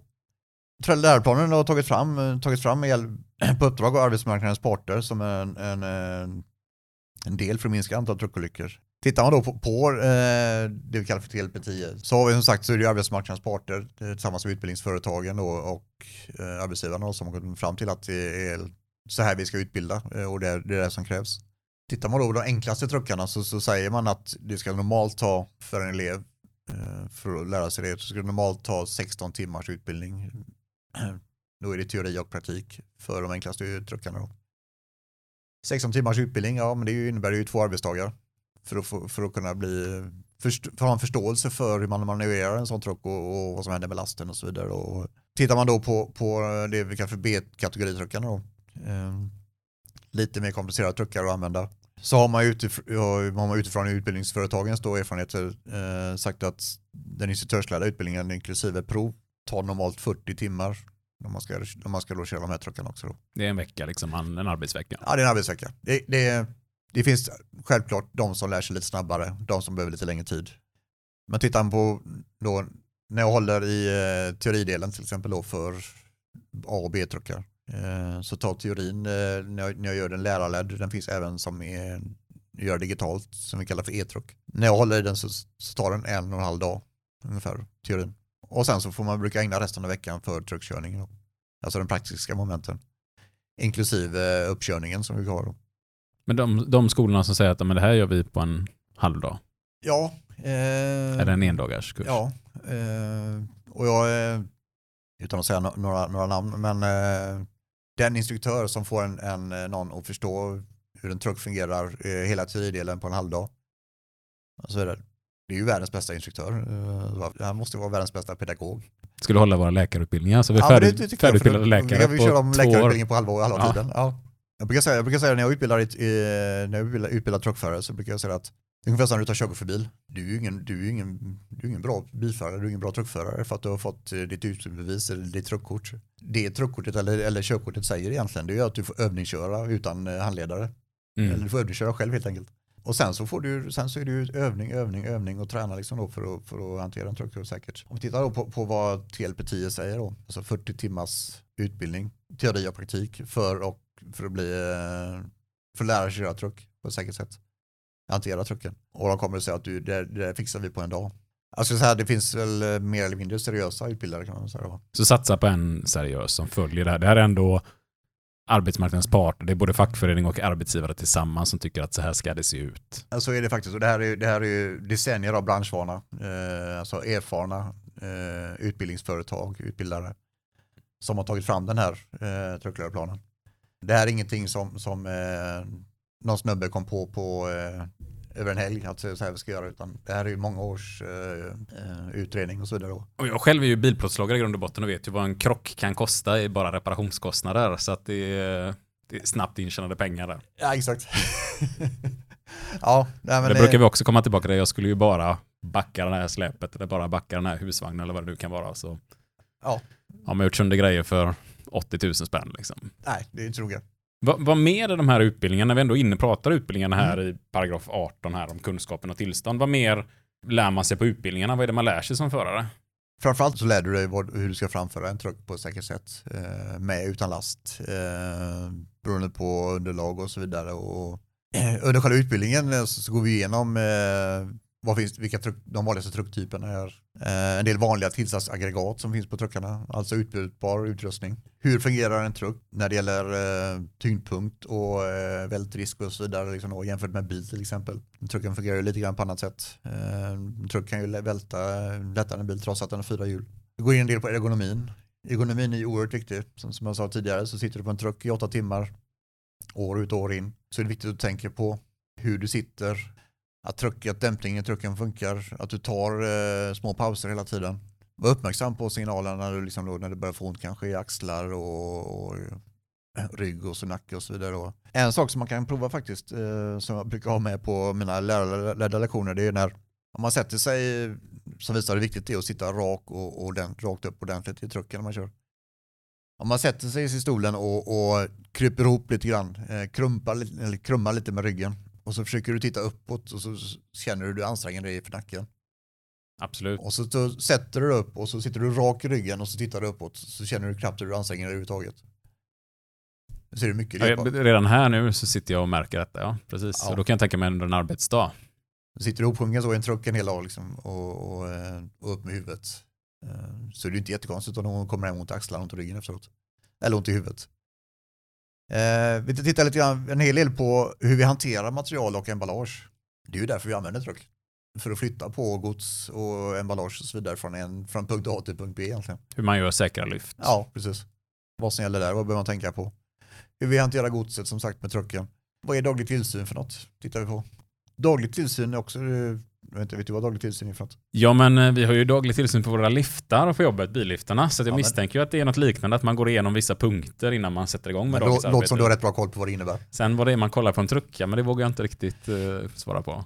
Nej, eh, det är ju inte kanske riktigt samma sak som på en lift, men, men, eh, men det innebär det är samma sak att daglig tillsyn, det innebär ju som sagt, du går och tittar på truckens funktioner, både när det gäller eh, säkerheten kring trucken. Eh, nu ska jag inte gå in på, så djupt på, på vad dragtillsyn vad som ingår, men, men eh, det kan vara bland annat då att man kollar så att det läcker inte hydraulolja till exempel. Eh, och har man däck då att de är hela, kolla om trucken så att bromsarna funkar. Styrningen funkar som den ska. Eh, någonting som tyvärr slarvas med en del. Ska inte säga att det är så överallt men, men eh, något som ingår det är ju och har man en, eh, en motortruck eller en truck till exempel där man, där gafflarna går att lyfta en bra bit uppåt eh, så gör man ju det också. Eh, och det är ju inte bara för att gafflarna, att gafflarna går uppåt, man kan passa på att även titta så att kedjor och allting är, fungerar som det ska. Kedjan är ändå det som håller upp lasten när, om någonting skulle hända då. Hur- Skulle hydrauliken försvinna i gafflarna när lasten är uppe i ett läge så är det kedjan som håller kvar den då, så att det är viktigt att den är hel. Men sen så glömmer man ju, inte, glömmer man ju det också att en annan anledning till att få lyfta upp dem hela vägen det är ju för att du smörjer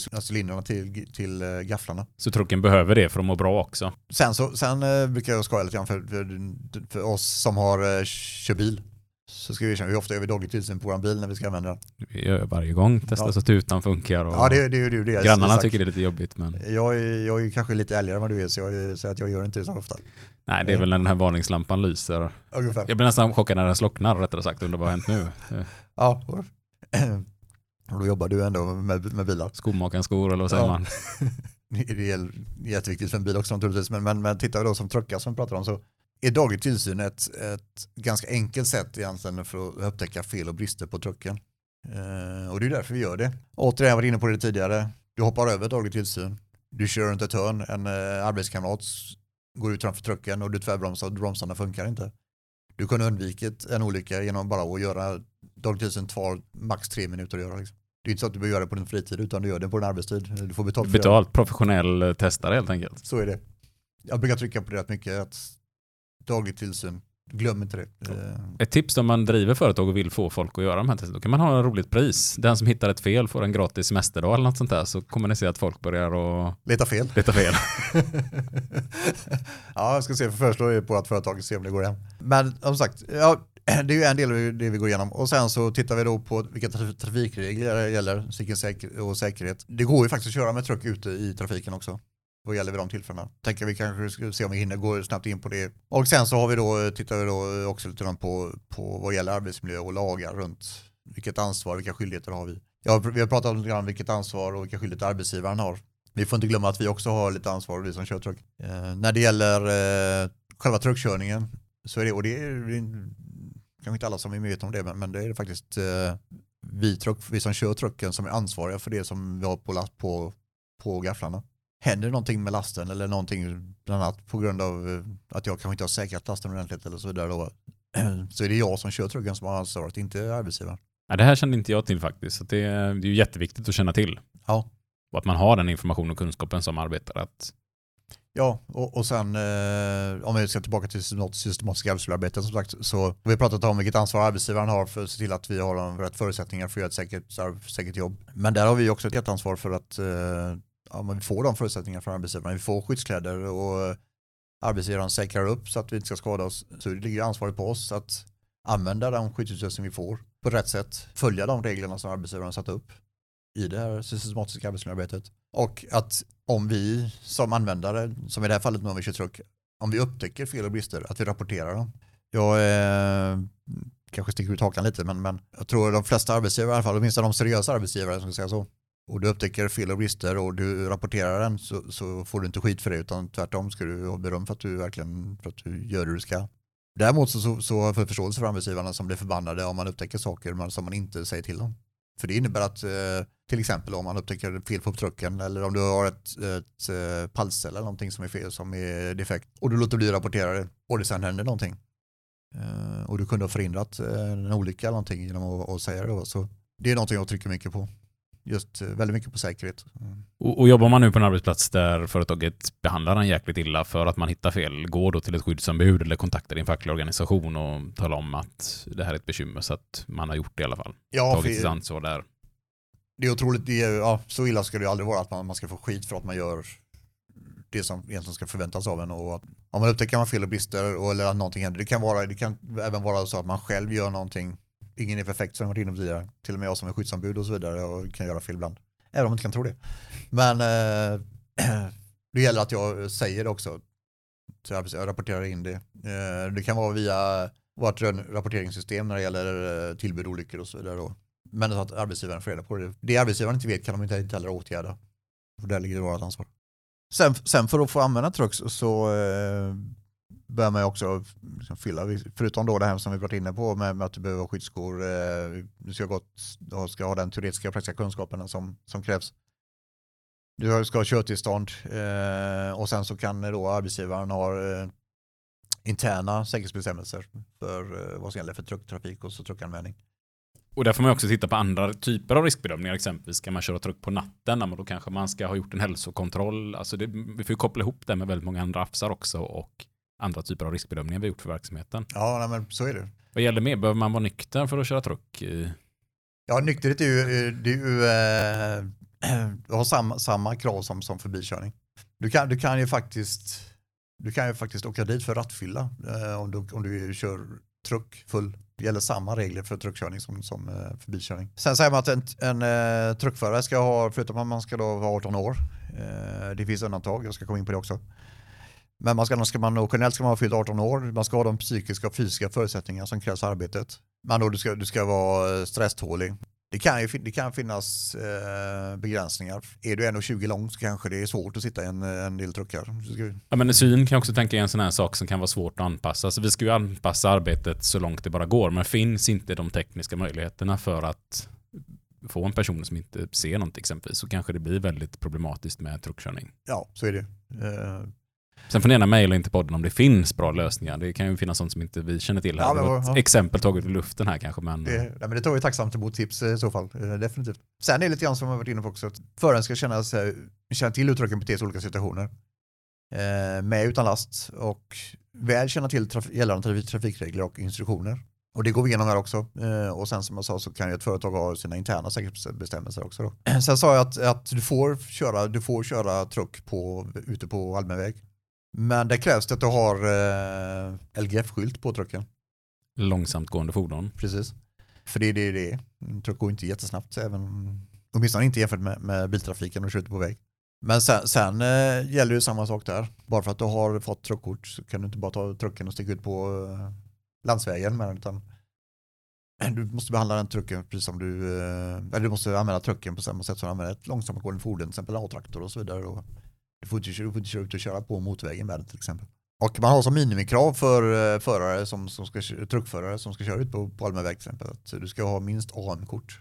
Det vi kallar för moppekort eller A-traktor. Liksom.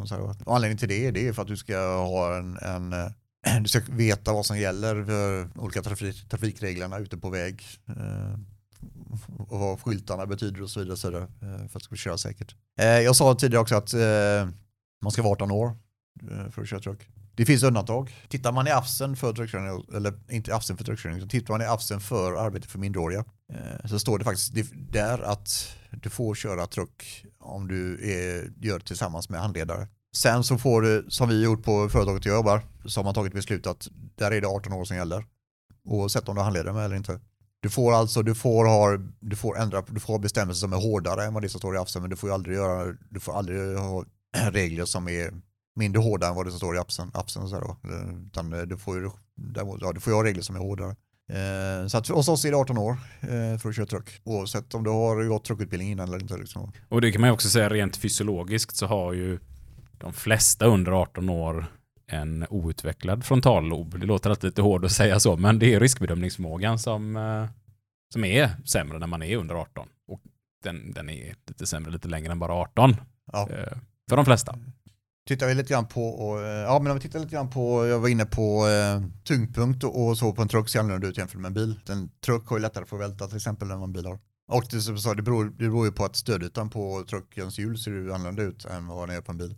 Det som jag, sa tidigare att en, en, eh, en truck saknar ju fjädring. Eh, man har istället en pivoterad axel bak. Vilket gör att stödytan blir ju på den axelleden då och inte på hjulen eh, bak till på trucken och sen så har man då på truckens framhjul vilket gör att den har en stödyta på tre punkter bara egentligen på en motorcykel. Vilket gör att den betyder, betyder väldigt betydligt lättare om man kör skarpt i en kurva till exempel med den trucken eller om man kör med last upphissad på gafflarna eh, och så vidare. Så att, eh, eh, och det är bra att känna till. En truck beter sig lite annorlunda än en bil gör och det, är, och det är ibland sånt man får lära sig på truckutbildning när man kör de praktiska momenten. Och för att, för att få känna på det här ordentligt och få förståelse för det här så bör man ju köra mer än en halvdag med en truck. Ja, men det kan jag tänka mig. Det är väl återigen tillbaka till det här med vanlig halkkörning man gör med en vanlig bil. Ja. Och så lägg på lite vikter på detta med och lite olika ställningar. Och, ja, och då ja. har du nog en bil som har stödpunkter på alla fyra hjulen och en truck har du bara tre. Så att, ja, jätteviktigt att känna till. Eh, nu går vi också igenom, jätteviktigt att känna till vad, eh, hur du plockar lasten. Eh, vad du ska tänka på när du tar upp den. Vi pratar om eh, tyngdpunkter och eh, lastens och truckens gemensamma tyngdpunkt bland annat. Eh, och hur den tyngdpunkten förflyttar sig lite grann beroende på vad du har på gafflarna, hur mycket du lyfter och vilken höjd du lyfter dem. På varje truck så ska det finnas ett tyngdpunktsdiagram. Det diagrammet visar hur mycket du får lyfta lasten och på vilken, på vilken höjd och, på, och vilken vikt på lasten. Och på vilket tyngdpunktsavstånd. Eh, tyngdpunktsavståndet är eh, avståndet mellan lastens tyngdpunkt och gaffelhälen på trucken. Där har jag också, jag har sagt, jag har sett exempel på det också och eh, nog varit nära själv någon gång. När man lyfter någonting och man, de av oss som kör truck, eh, har säkert varit med om någon gång när man lyfter, man har en motviktstruck och lyfter den på gafflarna och den lättar lite grann på bakhjulen. Man ligger precis på gränsen eh, och fortsätter ändå. Då, då har man antagligen lyft lite för tungt. Och det är också där då om man lyfter, se till att man har lasten hela vägen in på gafflarna när man lyfter. Koll på så att man inte lyfter för tungt med lasten om man inte lyfter den för högt. Så sagt. Använd tyngdpunktsdiagrammet på, eh, på trucken. Det ska finnas på varje truck. Gör inte det, rapportera till arbetsgivaren som sagt att det saknas. Då har du en brist. Hur du kör en truck när du ska upp ner för backar, backar rampar, ramper. Vi försöker ha med det i de praktiska övningarna sen. Eh, då får man känna på det lite grann också. Vi försöker om jag kan eh, så försöker jag med att man får lyfta något som är riktigt tungt. Någon av våra tunga produkter som kanske väger ett par ton. Inte att man kör iväg och, och kör iväg med den så här, utan men att man får känna på hur det känns och verkligen att lyfta någonting. För att, eh, ofta så kör man ju runt och när man övar med truck så kör man runt med tompallar. Eh, men för att man ska ändå få känna på det, hur det känns när man kommer ut i verkligheten sen. För det, har du övat med tompall i eh, två dagar och sen så lyfter du någonting som väger tre ton kanske då, så, så eh, det är lite skillnad. Ja, men, och körning är ju någonting som är svårt att teoretiskt läsa sig till hur ja. det känns. Liksom. Så det kan jag verkligen förstå att man har ett behov av att få känna på detta. Så är det.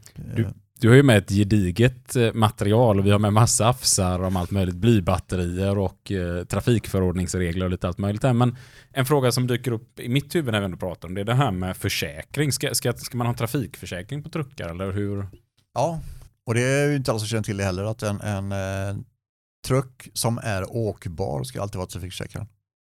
Eh, vilket innebär att har du en eh, ledstaplare som du, inte, som du inte står och åker på utan du bara drar den eller kör den efter dig så, så, så behöver du inte vara trafik, trafikförsäkrad. Men om man, du kan kliva upp på den och stå på den? Ja.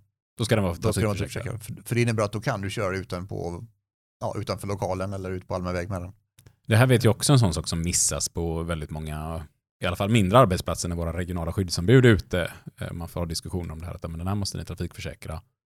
Ja, men det också, blir ju också jättejobbigt om man råkar ut för någonting. Det händer någonting och så är det inte trafikförsäkrad. Ja, men, ja, det, det blir ganska kostsamt. En trafik, trafikförsäkring för en truck är ju eh, i, ja, förhållandevis billig försäkring så så här, för om det skulle hända någonting då. Om, du inte, om det är en truck du inte kan åka eller stå på, eller du inte kan, som du inte kan åka på, eh, så behöver du inte vara trafikförsäkrad. Men, men så fort du kan åka på den då ska du ha en trafikförsäkring. Då ska du ha en trafikförsäkring.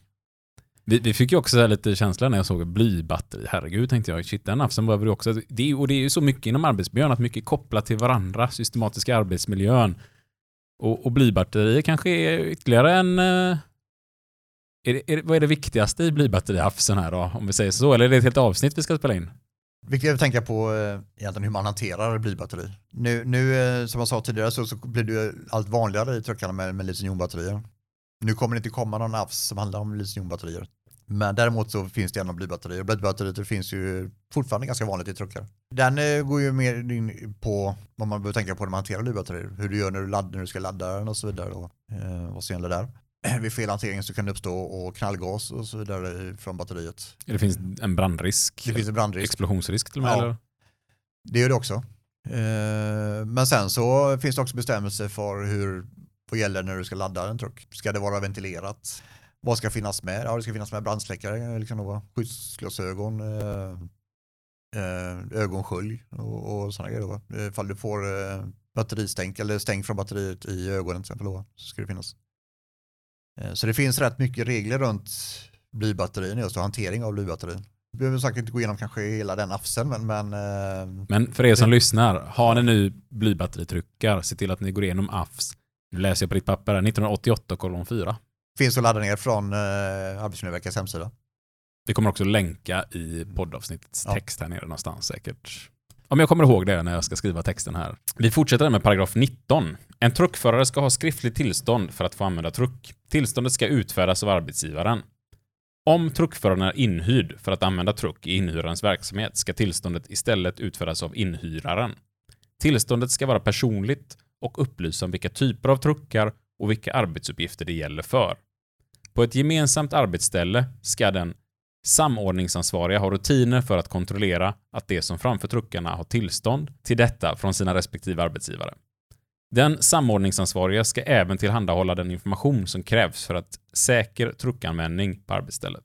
Den arbetsgivare eller inhyrare av arbetskraft som i strid med kraven i första stycket låter en eller flera använda en truck ska betala en sanktionsavgift, se paragraf 23. Lägsta avgiften är 15 000 kronor och högsta avgiften är 150 000 kronor. För den som har 500 eller fler sysselsatta är avgiften 150 000 kronor. För den som har färre än 500 sysselsatta ska sanktionsavgiften beräknas enligt följande. Avgift 15 000 kronor plus antalet sysselsatta minus 1 gånger 271 kronor. Summan ska avrundas nedåt till närmsta hela hundratal. Men tillbaka lite, du nämnde ju sanktionsavgiften här i början av avsnittet, men tillbaka till det här då med eh, du ska ha tillstånd och sen ska du också ha ett skriftligt tillstånd på arbetsplatsen. Eh, sen så pratar AFSen också om en samordningsansvarig som ska ha rutiner och ha koll på vilka truckar och vad. Det är inte bara att ha ett tillstånd som säger fritt fram och köra.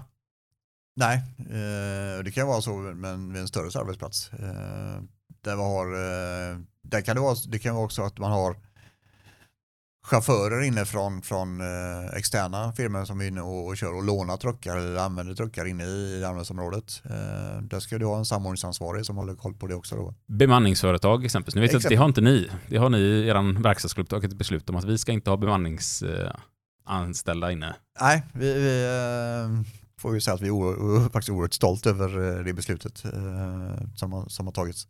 Och det är faktiskt det är ett beslut som alla medlemmar har fått vara med och, eh, och eh, rösta fram. Att det, det vill vi inte ha. Vi hade en medlemsröstning som sagt där, vi sa att nej, vi, vill inte ha, arbets- vi vill inte ha bemanningsföretag inom företaget. Självklart får man ju kompromissa om annat istället då, men, men eh, så nu har vi jag har inga bemanningsföretag. Eh, jag har, när vi ändå pratar om truckar och trucksäkerhet så, så har vi pratar ju med, med anställda på företag där man, eh, där man har bemanningsföretag.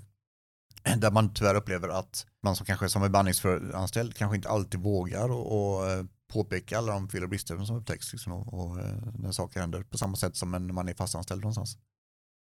Men tittar man på paragraf 19 då så är det som vi varit inne på tidigare, förutom då som det här eh, utbildningsbeviset, truckkortet, så ska man ha ett skriftligt tillstånd från arbetsgivaren att du var kört och, där det står vem som, vem som ska använda trucken, i, till vilken verksamhet, vad är, det, vad är det du ska använda den till, i, inom vilket område och så vidare. Och tillståndet ska ju vara personligt som sagt. Du kan inte, du kan inte skriva ett tillstånd som gäller för hela gruppen utan det ska vara liksom för en individ. Och där missas ju ibland som sagt. En tydlig och bra rutin med för att han inte ska råka använda truckarna till annat än vad man faktiskt har riskbedömt. Så man nu inte i den här beachvolleybollhanden kör ut i sanden där för att ta ner en boll som har fastnat i taket någonstans. Nej, för jag har väldigt svårt att tänka mig att just, det skulle finnas ett körtillstånd för just, just för den, den typen av användning. Liksom. eh, vilket för in oss egentligen på paragraf 20. Precis. Den som leder och övervakar arbetet med truckar ska ha den kunskap, information och erfarenhet som krävs för att arbetet ska kunna utföras säkert. Ja. Här räcker det inte då bara att ha gått sin kurs, utan här ska du också ha erfarenhet. Nu tittar vi då på arbetsgivaren, eh, den som är ansvarig för arbetsmiljön. Eh, är, ofta, är oftast den som leder och övervakar arbetet. Så man kan inte som bolag liksom säga, men för att komma runt den här problematiken tillsätter vi en ny chef här som blir glad över att få en befordran och så skriver vi över arbetsmiljöansvaret på den personen och så behöver vi inte bry oss. Nej. Det, det duger inte liksom. Nej, utan den, ska, den personen ska ju ha den kunskapen som krävs och veta vad som gäller för användning med truck då, för att man ska kunna utföra ett säkert arbete. Eh, och där är ju tyvärr, där brister man ju en del ibland också eh, som arbetsgivare. Eh, det är inte alla som vet att du som, du som tillsatt chef, som delegerad eh, arbetsmiljöansvar, eh, faktiskt är ansvarig för att man använder rätt truck och man har den, att man har den kunskap, information och erfarenhet som krävs för att kunna utföra ett säkert arbete. Jag tror att alla, hade alla chefer vetat om det där så vet jag inte om alla hade velat bli chefer kanske. Det hade inte varit lika kul att skriva på den där arbetsmiljöansvarslappen kanske. Jag tror inte det. På det företaget jag jobbar, där har som sagt alla, alla chefer, där ska alla chefer gå en obligatorisk eh, ansvarsutbildning där liksom man vet vad som gäller. Då. Låter föredömligt att ha ett sådant så att man vet vad, vad innebär det här nu. För att det, det upplever jag att man får mycket frågor kring när man är ute på olika företag och besöker arbetsplatser och så nya chefer som, dels kommer vi ut från facket och så undrar de vad är det ni gör här och sen pratar man lite om vad vi gör och då kommer de här, ja, jag fick skriva något papper här med arbetsmiljöansvar, vad innebär det egentligen? Kanske du kan svara på. Ja, Och då tänker jag alltid, aj, aj, aj, aj, aj. Det ska du inte det, det, fråga det, nu, det ska du frågat innan du skrev på den här lappen. Och det, där, är det, där är det viktigt att, att vi som, som, eh, som kanske besitter en del kunskap när det gäller arbetsmiljö kanske eh, hjälper de här nya cheferna som inte har kanske den kunskapen alltid. Så att vi Eh, når fram dit vi vill. Ja. Istället för att ta vara på chansen här och retas så kanske man ska försöka få något bra ur det hela. Ja, men det kanske inte alltid är jättesmart att slå dem i huvudet med lagtexter och grejer när de gör fel, utan eh, hjälp dem göra rätt istället. Eh, det tjänar vi alla på. Och det är det vi vill få till. Och det, och det står ju också i eh, arbetsmiljölagen, lite som Don Hassan pratade man har faktiskt en skyldighet som anställd också att vara med och bidra till ett bättre arbetsmiljöarbete. Ja, men det, ja, Och det får man ju verkligen göra då som skyddsombud och vara med här och faktiskt, ja men vad kul, nu gör vi detta tillsammans, vi sätter oss in i detta, vad är det vi behöver göra? och det, ja, och det är någonting jag, jag försöker trycka på en del när jag kör mina truckutbildningar också, att, att eh, det ligger rätt mycket ansvar på oss också som arbetstagare. Eh, Eh, och, det står, så precis som du säger, så står det faktiskt i arbetsmiljölagen att vi ska vara med och bidra till en god arbetsmiljö. Och det innebär både, både den fysiska men, men även den psykiska miljön. Det innebär också hur vi är mot varandra. Tycker vi några fel eller brister eller oegentligheter och så vidare så ska vi rapportera det.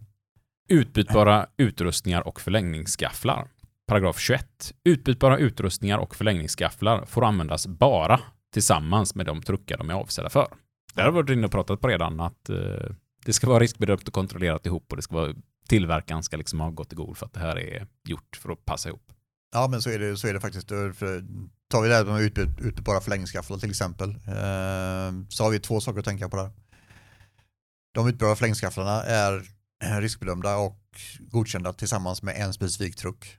Du kan inte slänga på dem på vilken truck som helst utan det är just en specifik truck. Och tänka på, ska du lägga på ett extra tillsatsaggregat eller några förlängningsbara gafflar ja, då minskar ju faktiskt kapaciteten för lyftkapaciteten för trucken. Eh, Så har du en truck som, som får lyfta två ton och du slänger på gafflar som väger 300 kilo. Ja, då får du faktiskt bara, då får du bara lyfta 1,7 ton med den. Eh, vilket är viktigt att komma ihåg. Och det här är ju grejer som är svårt att räkna ut själv. Ja, det ska, just, det, det ska ju finnas. Det ska ju stå, du ska ju få veta det när du, vad gafflarna väger. Du ska få veta vad mycket du lastar på trucken. Eh, så innan du använder den. Underhåll och kontroll. Paragraf 22. En truck skall kontrolleras och underhållas med intervaller som är anpassade till driftförhållandena och tillverkarens rekommendationer. En truck med brister eller skador som kan äventyra säkerheten får inte användas förrän bristerna avhjälpts eller skador reparerats. Daglig tillsyn är ju vad vi som användare har för skyldighet att göra. Eh, den kontrollen vi är skyldiga att göra på trucken. Att vi tittar igenom den eh, ordentligt. Som jag sa tidigare, ta inte mer än eh, tre minuter kanske för att kolla igenom trucken så att den, alla den funktioner fungerar som den ska. Och sen så har vi något som, som vi kallar för fortlöpande tillsyn. Och skillnaden är fortlöpande tillsyn det är arbetsgivarens ansvar att se till att eh, det kan vara att en servicen är gjord på trucken som den ska. Att man, att man eh, ja, gör regelbundna kontroller av, av truckarna så att säga, eh, som inte är dagligen då. Paragraf 23, det är bestämmelser av sanktionsavgifter och det behöver vi kanske inte läsa så mycket om här, men det är egentligen reglerna vad, vad gäller om man bryter mot den här AFSen. Och Ja. sen har vi våra bilagor. Och jag börjar se att avsnittet är nästan uppe i två timmar här och bilagorna är ju väldigt gedigna. Men, men kortfattat då, när vi riskbedömer så är det väldigt noga att vi tar och tittar i de här bilagorna och verkligen tittar på exakt vad är det vi behöver bedöma när vi ska ta in truckar och vilka truckar vi ska ta in. Ja. Men om du får ta med de absolut viktigaste punkterna här nu i bilagorna. Ja, tittar vi på, på det absolut viktigaste så, så är det ju då, eh, bilaga A3.2. Tryckbar utbara ut, utrustningar och förläggningsgafflar ska vara tydligt och, och beständigt märkta med uppgift om egenvikt och den högst last de är avsedda för. Det är som jag var inne på tidigare. Hur mycket får jag lyfta och var får jag lyfta detta? Ja, exakt. Sen har vi särskilda krav för åktruckar. Vi har bilaga A4.2, en åktruck för sittande förare med plats för en eller fler åkande, åkande ska vara anpassad eller utrustad för att begränsa riskerna om trucken välter. Till exempel genom att den har förarhytt, en konstruktion som hindrar trucken från att välta, en konstruktion som garanterar att om trucken välter, det finns tillräckligt med utrymme mellan marken och trucken för den som befinner sig på den. Eller en konstruktion där personen hålls kvar på sätet så att de inte kläms trucken. Då pratar vi om det med, med bältet som är oerhört viktigt. Ja, just det. Det är väl egentligen lite av de viktigaste. Sen tycker jag det är viktigt att ha med det också och informera om att det finns tillfällen när man faktiskt har skyldighet att vägra och, och hantera last eh, på trucken. Det kan vara, det kan vara så att, att eh, du får in last eh, som där det står farligt gods som är farligt gods. Vi kommer inte, jag kommer inte gå in på det, på det så mycket men, men eh, det finns en extrautbildning som, som du inte lär dig i den här vanliga truckutbildningen utan du får en, går en extra utbildning som, som kallas för en ADR-utbildning. Den utbildningen innebär, det innebär egentligen hur du lär dig hantera farligt gods och som gäller, vilka bestämmelser som gäller där. Men vi säger att om du inte har den utbildningen och, och eh, du hamnar i ett läge där liksom du ska hantera någonting som är farligt gods så har du som truckförare både en skyldighet och rättighet att vägra och, och hantera den, just den, den, det godset. Andra gången du har rätt för att vägra och hantera last, det är ju det då, som, förutom då farligt gods som du inte har utbildats för. Det är om du blir ombedd att köra en trucktyp kanske som du inte har varken utbildning eller körtillstånd för. Då ska du också vägra. Och det här är ju situationer man faktiskt kan råka hamna i. Jag hade en deltagare på en kurs, nu ska jag inte nämna för mycket information här, men personen hade tidigare jobbat som lastbilschaufför och eh, mer eller mindre blivit tvingad att det här ska du lasta, på det här sättet ska du lasta det och jag ska åka med dig ihop med en annan person. Eh, och satt där alltså med en person för mycket i hytten, eh, last som inte var säkrad ordentligt och chefen liksom bara banade på, kör, kör, kör och blir stoppad av polis. Ja. Eh, Inte en jättekul situation för att man är ansvarig som förare. Nej, precis. Eh, precis som jag som jag varit inne på så har som truckförare så är du ansvarig för det som är på trucken när du kör den. Och så är ju även lastbils, lastbilschaufför är ju ansvarig för det som är på lastbilen, på flaket när du kör den. Så att är det som du säger, oavsett om det är din chef har talat om för att ja, men det, det är lugnt, du kan lyfta det, jag tar ansvaret. Så är det du som hanterar det som har ansvaret för det. Och det tror jag inte, det är inte alla som har koll på. Eh, man får visserligen lära sig det på utbildningen men det är lätt att glömma av. lätt att hamna i beroendeställning och inte vågar när man väl är där. Och då tar du kontakt med ett fackligt ombud eller ett skyddsombud med en gång och talar om att jag behöver hjälp nu. Ja, men det är precis, precis som vi var inne på, att du kanske har en anställning som kanske inte är lika säker som andra anställningar och så vidare. Och, det, och du vågar, som du säger, du kanske inte vågar att säga emot. Och så gör du det ändå. Och så blir du stoppad och det händer någonting så är det ju inte, ja, det är du som har ansvaret som sagt. Eh, när, du, när det finns en risk att olyckor händer, som sagt hantera en folkgods, att du ska du vill köra en truck som kanske inte fyller säkerhetskraven eller köra en last eh, som du inte har utbildning för. Eh, eller en truck som du inte har utbildning för. Eh, så, ska du säga, så ska du säga nej, då ska du vägra. Även om det kan ta emot så, så, eh, så, så är det för din och din arbetskamraters säkerhet i första hand. Och eh, andra hand så är det som sagt för att du kan skada gods eller saker i, i närheten. Och nu har vi ju lyssnarna här fått två timmar eh, truckinformation. Räcker detta nu för att få köra truck och bli en duktig truckförare och kunna riskbedöma verksamhet? Eh, nej, det gör ju tyvärr inte det. Det, det, här var, vi skrapar lite grann på ytan av eh, allt som man behöver veta som truckförare.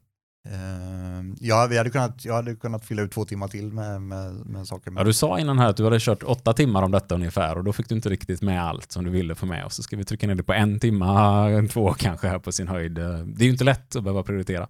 Det här är bra baskunskap för, för att veta Var ska jag börja liksom? Ja, och eh, jag skulle säga att det är väl bra för de som har kört truck i, i 30 år och fräscha upp minnet genom att lyssna på det här. Och de som kanske vill bli truckförare och jobba med truck och köra, lära sig köra truck.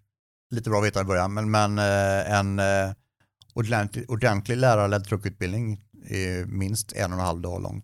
Eh, och då har man gått igenom allting. Så att, eh, men truckkörning är ett eh, otroligt roligt jobb.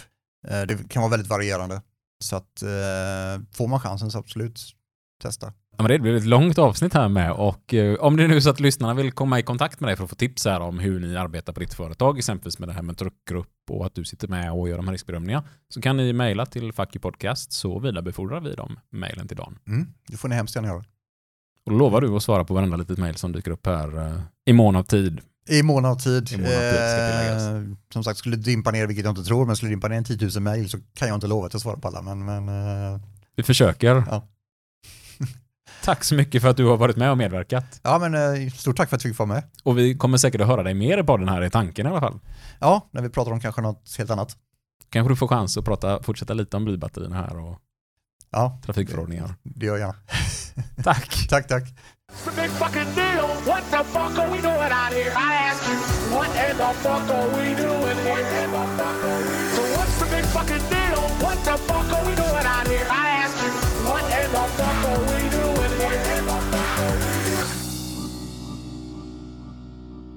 Ja, nu är avsnittet färdigt här med Dan Bäcklund och jag tänkte för att vi ska ha ett sånt snabbavsnitt som vi kan jämföra lite med de här lite snabbare truckutbildningarna så kommer här nu ett snabbavsnitt som man kan spela igenom för att liksom snabbt utbilda någon i, i det här avsnittet.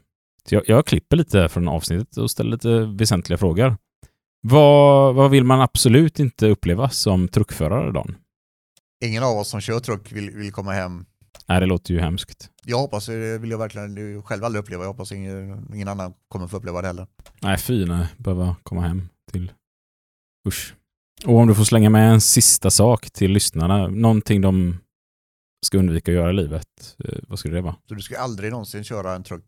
Tack så mycket. Ja, men det var en liten sån snabb crash course där med Dan Bäcklund efter vår introlåt.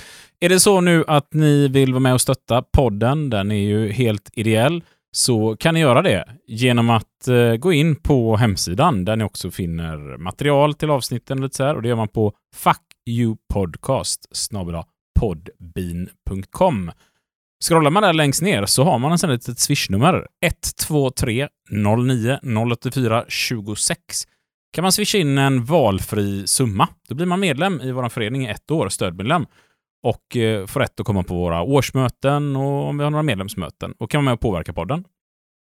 Ni som nu blev medlemmar för över ett år sedan, tänk på att förnya medlemskapen så att ni blir eh, bjudna på kommande möten.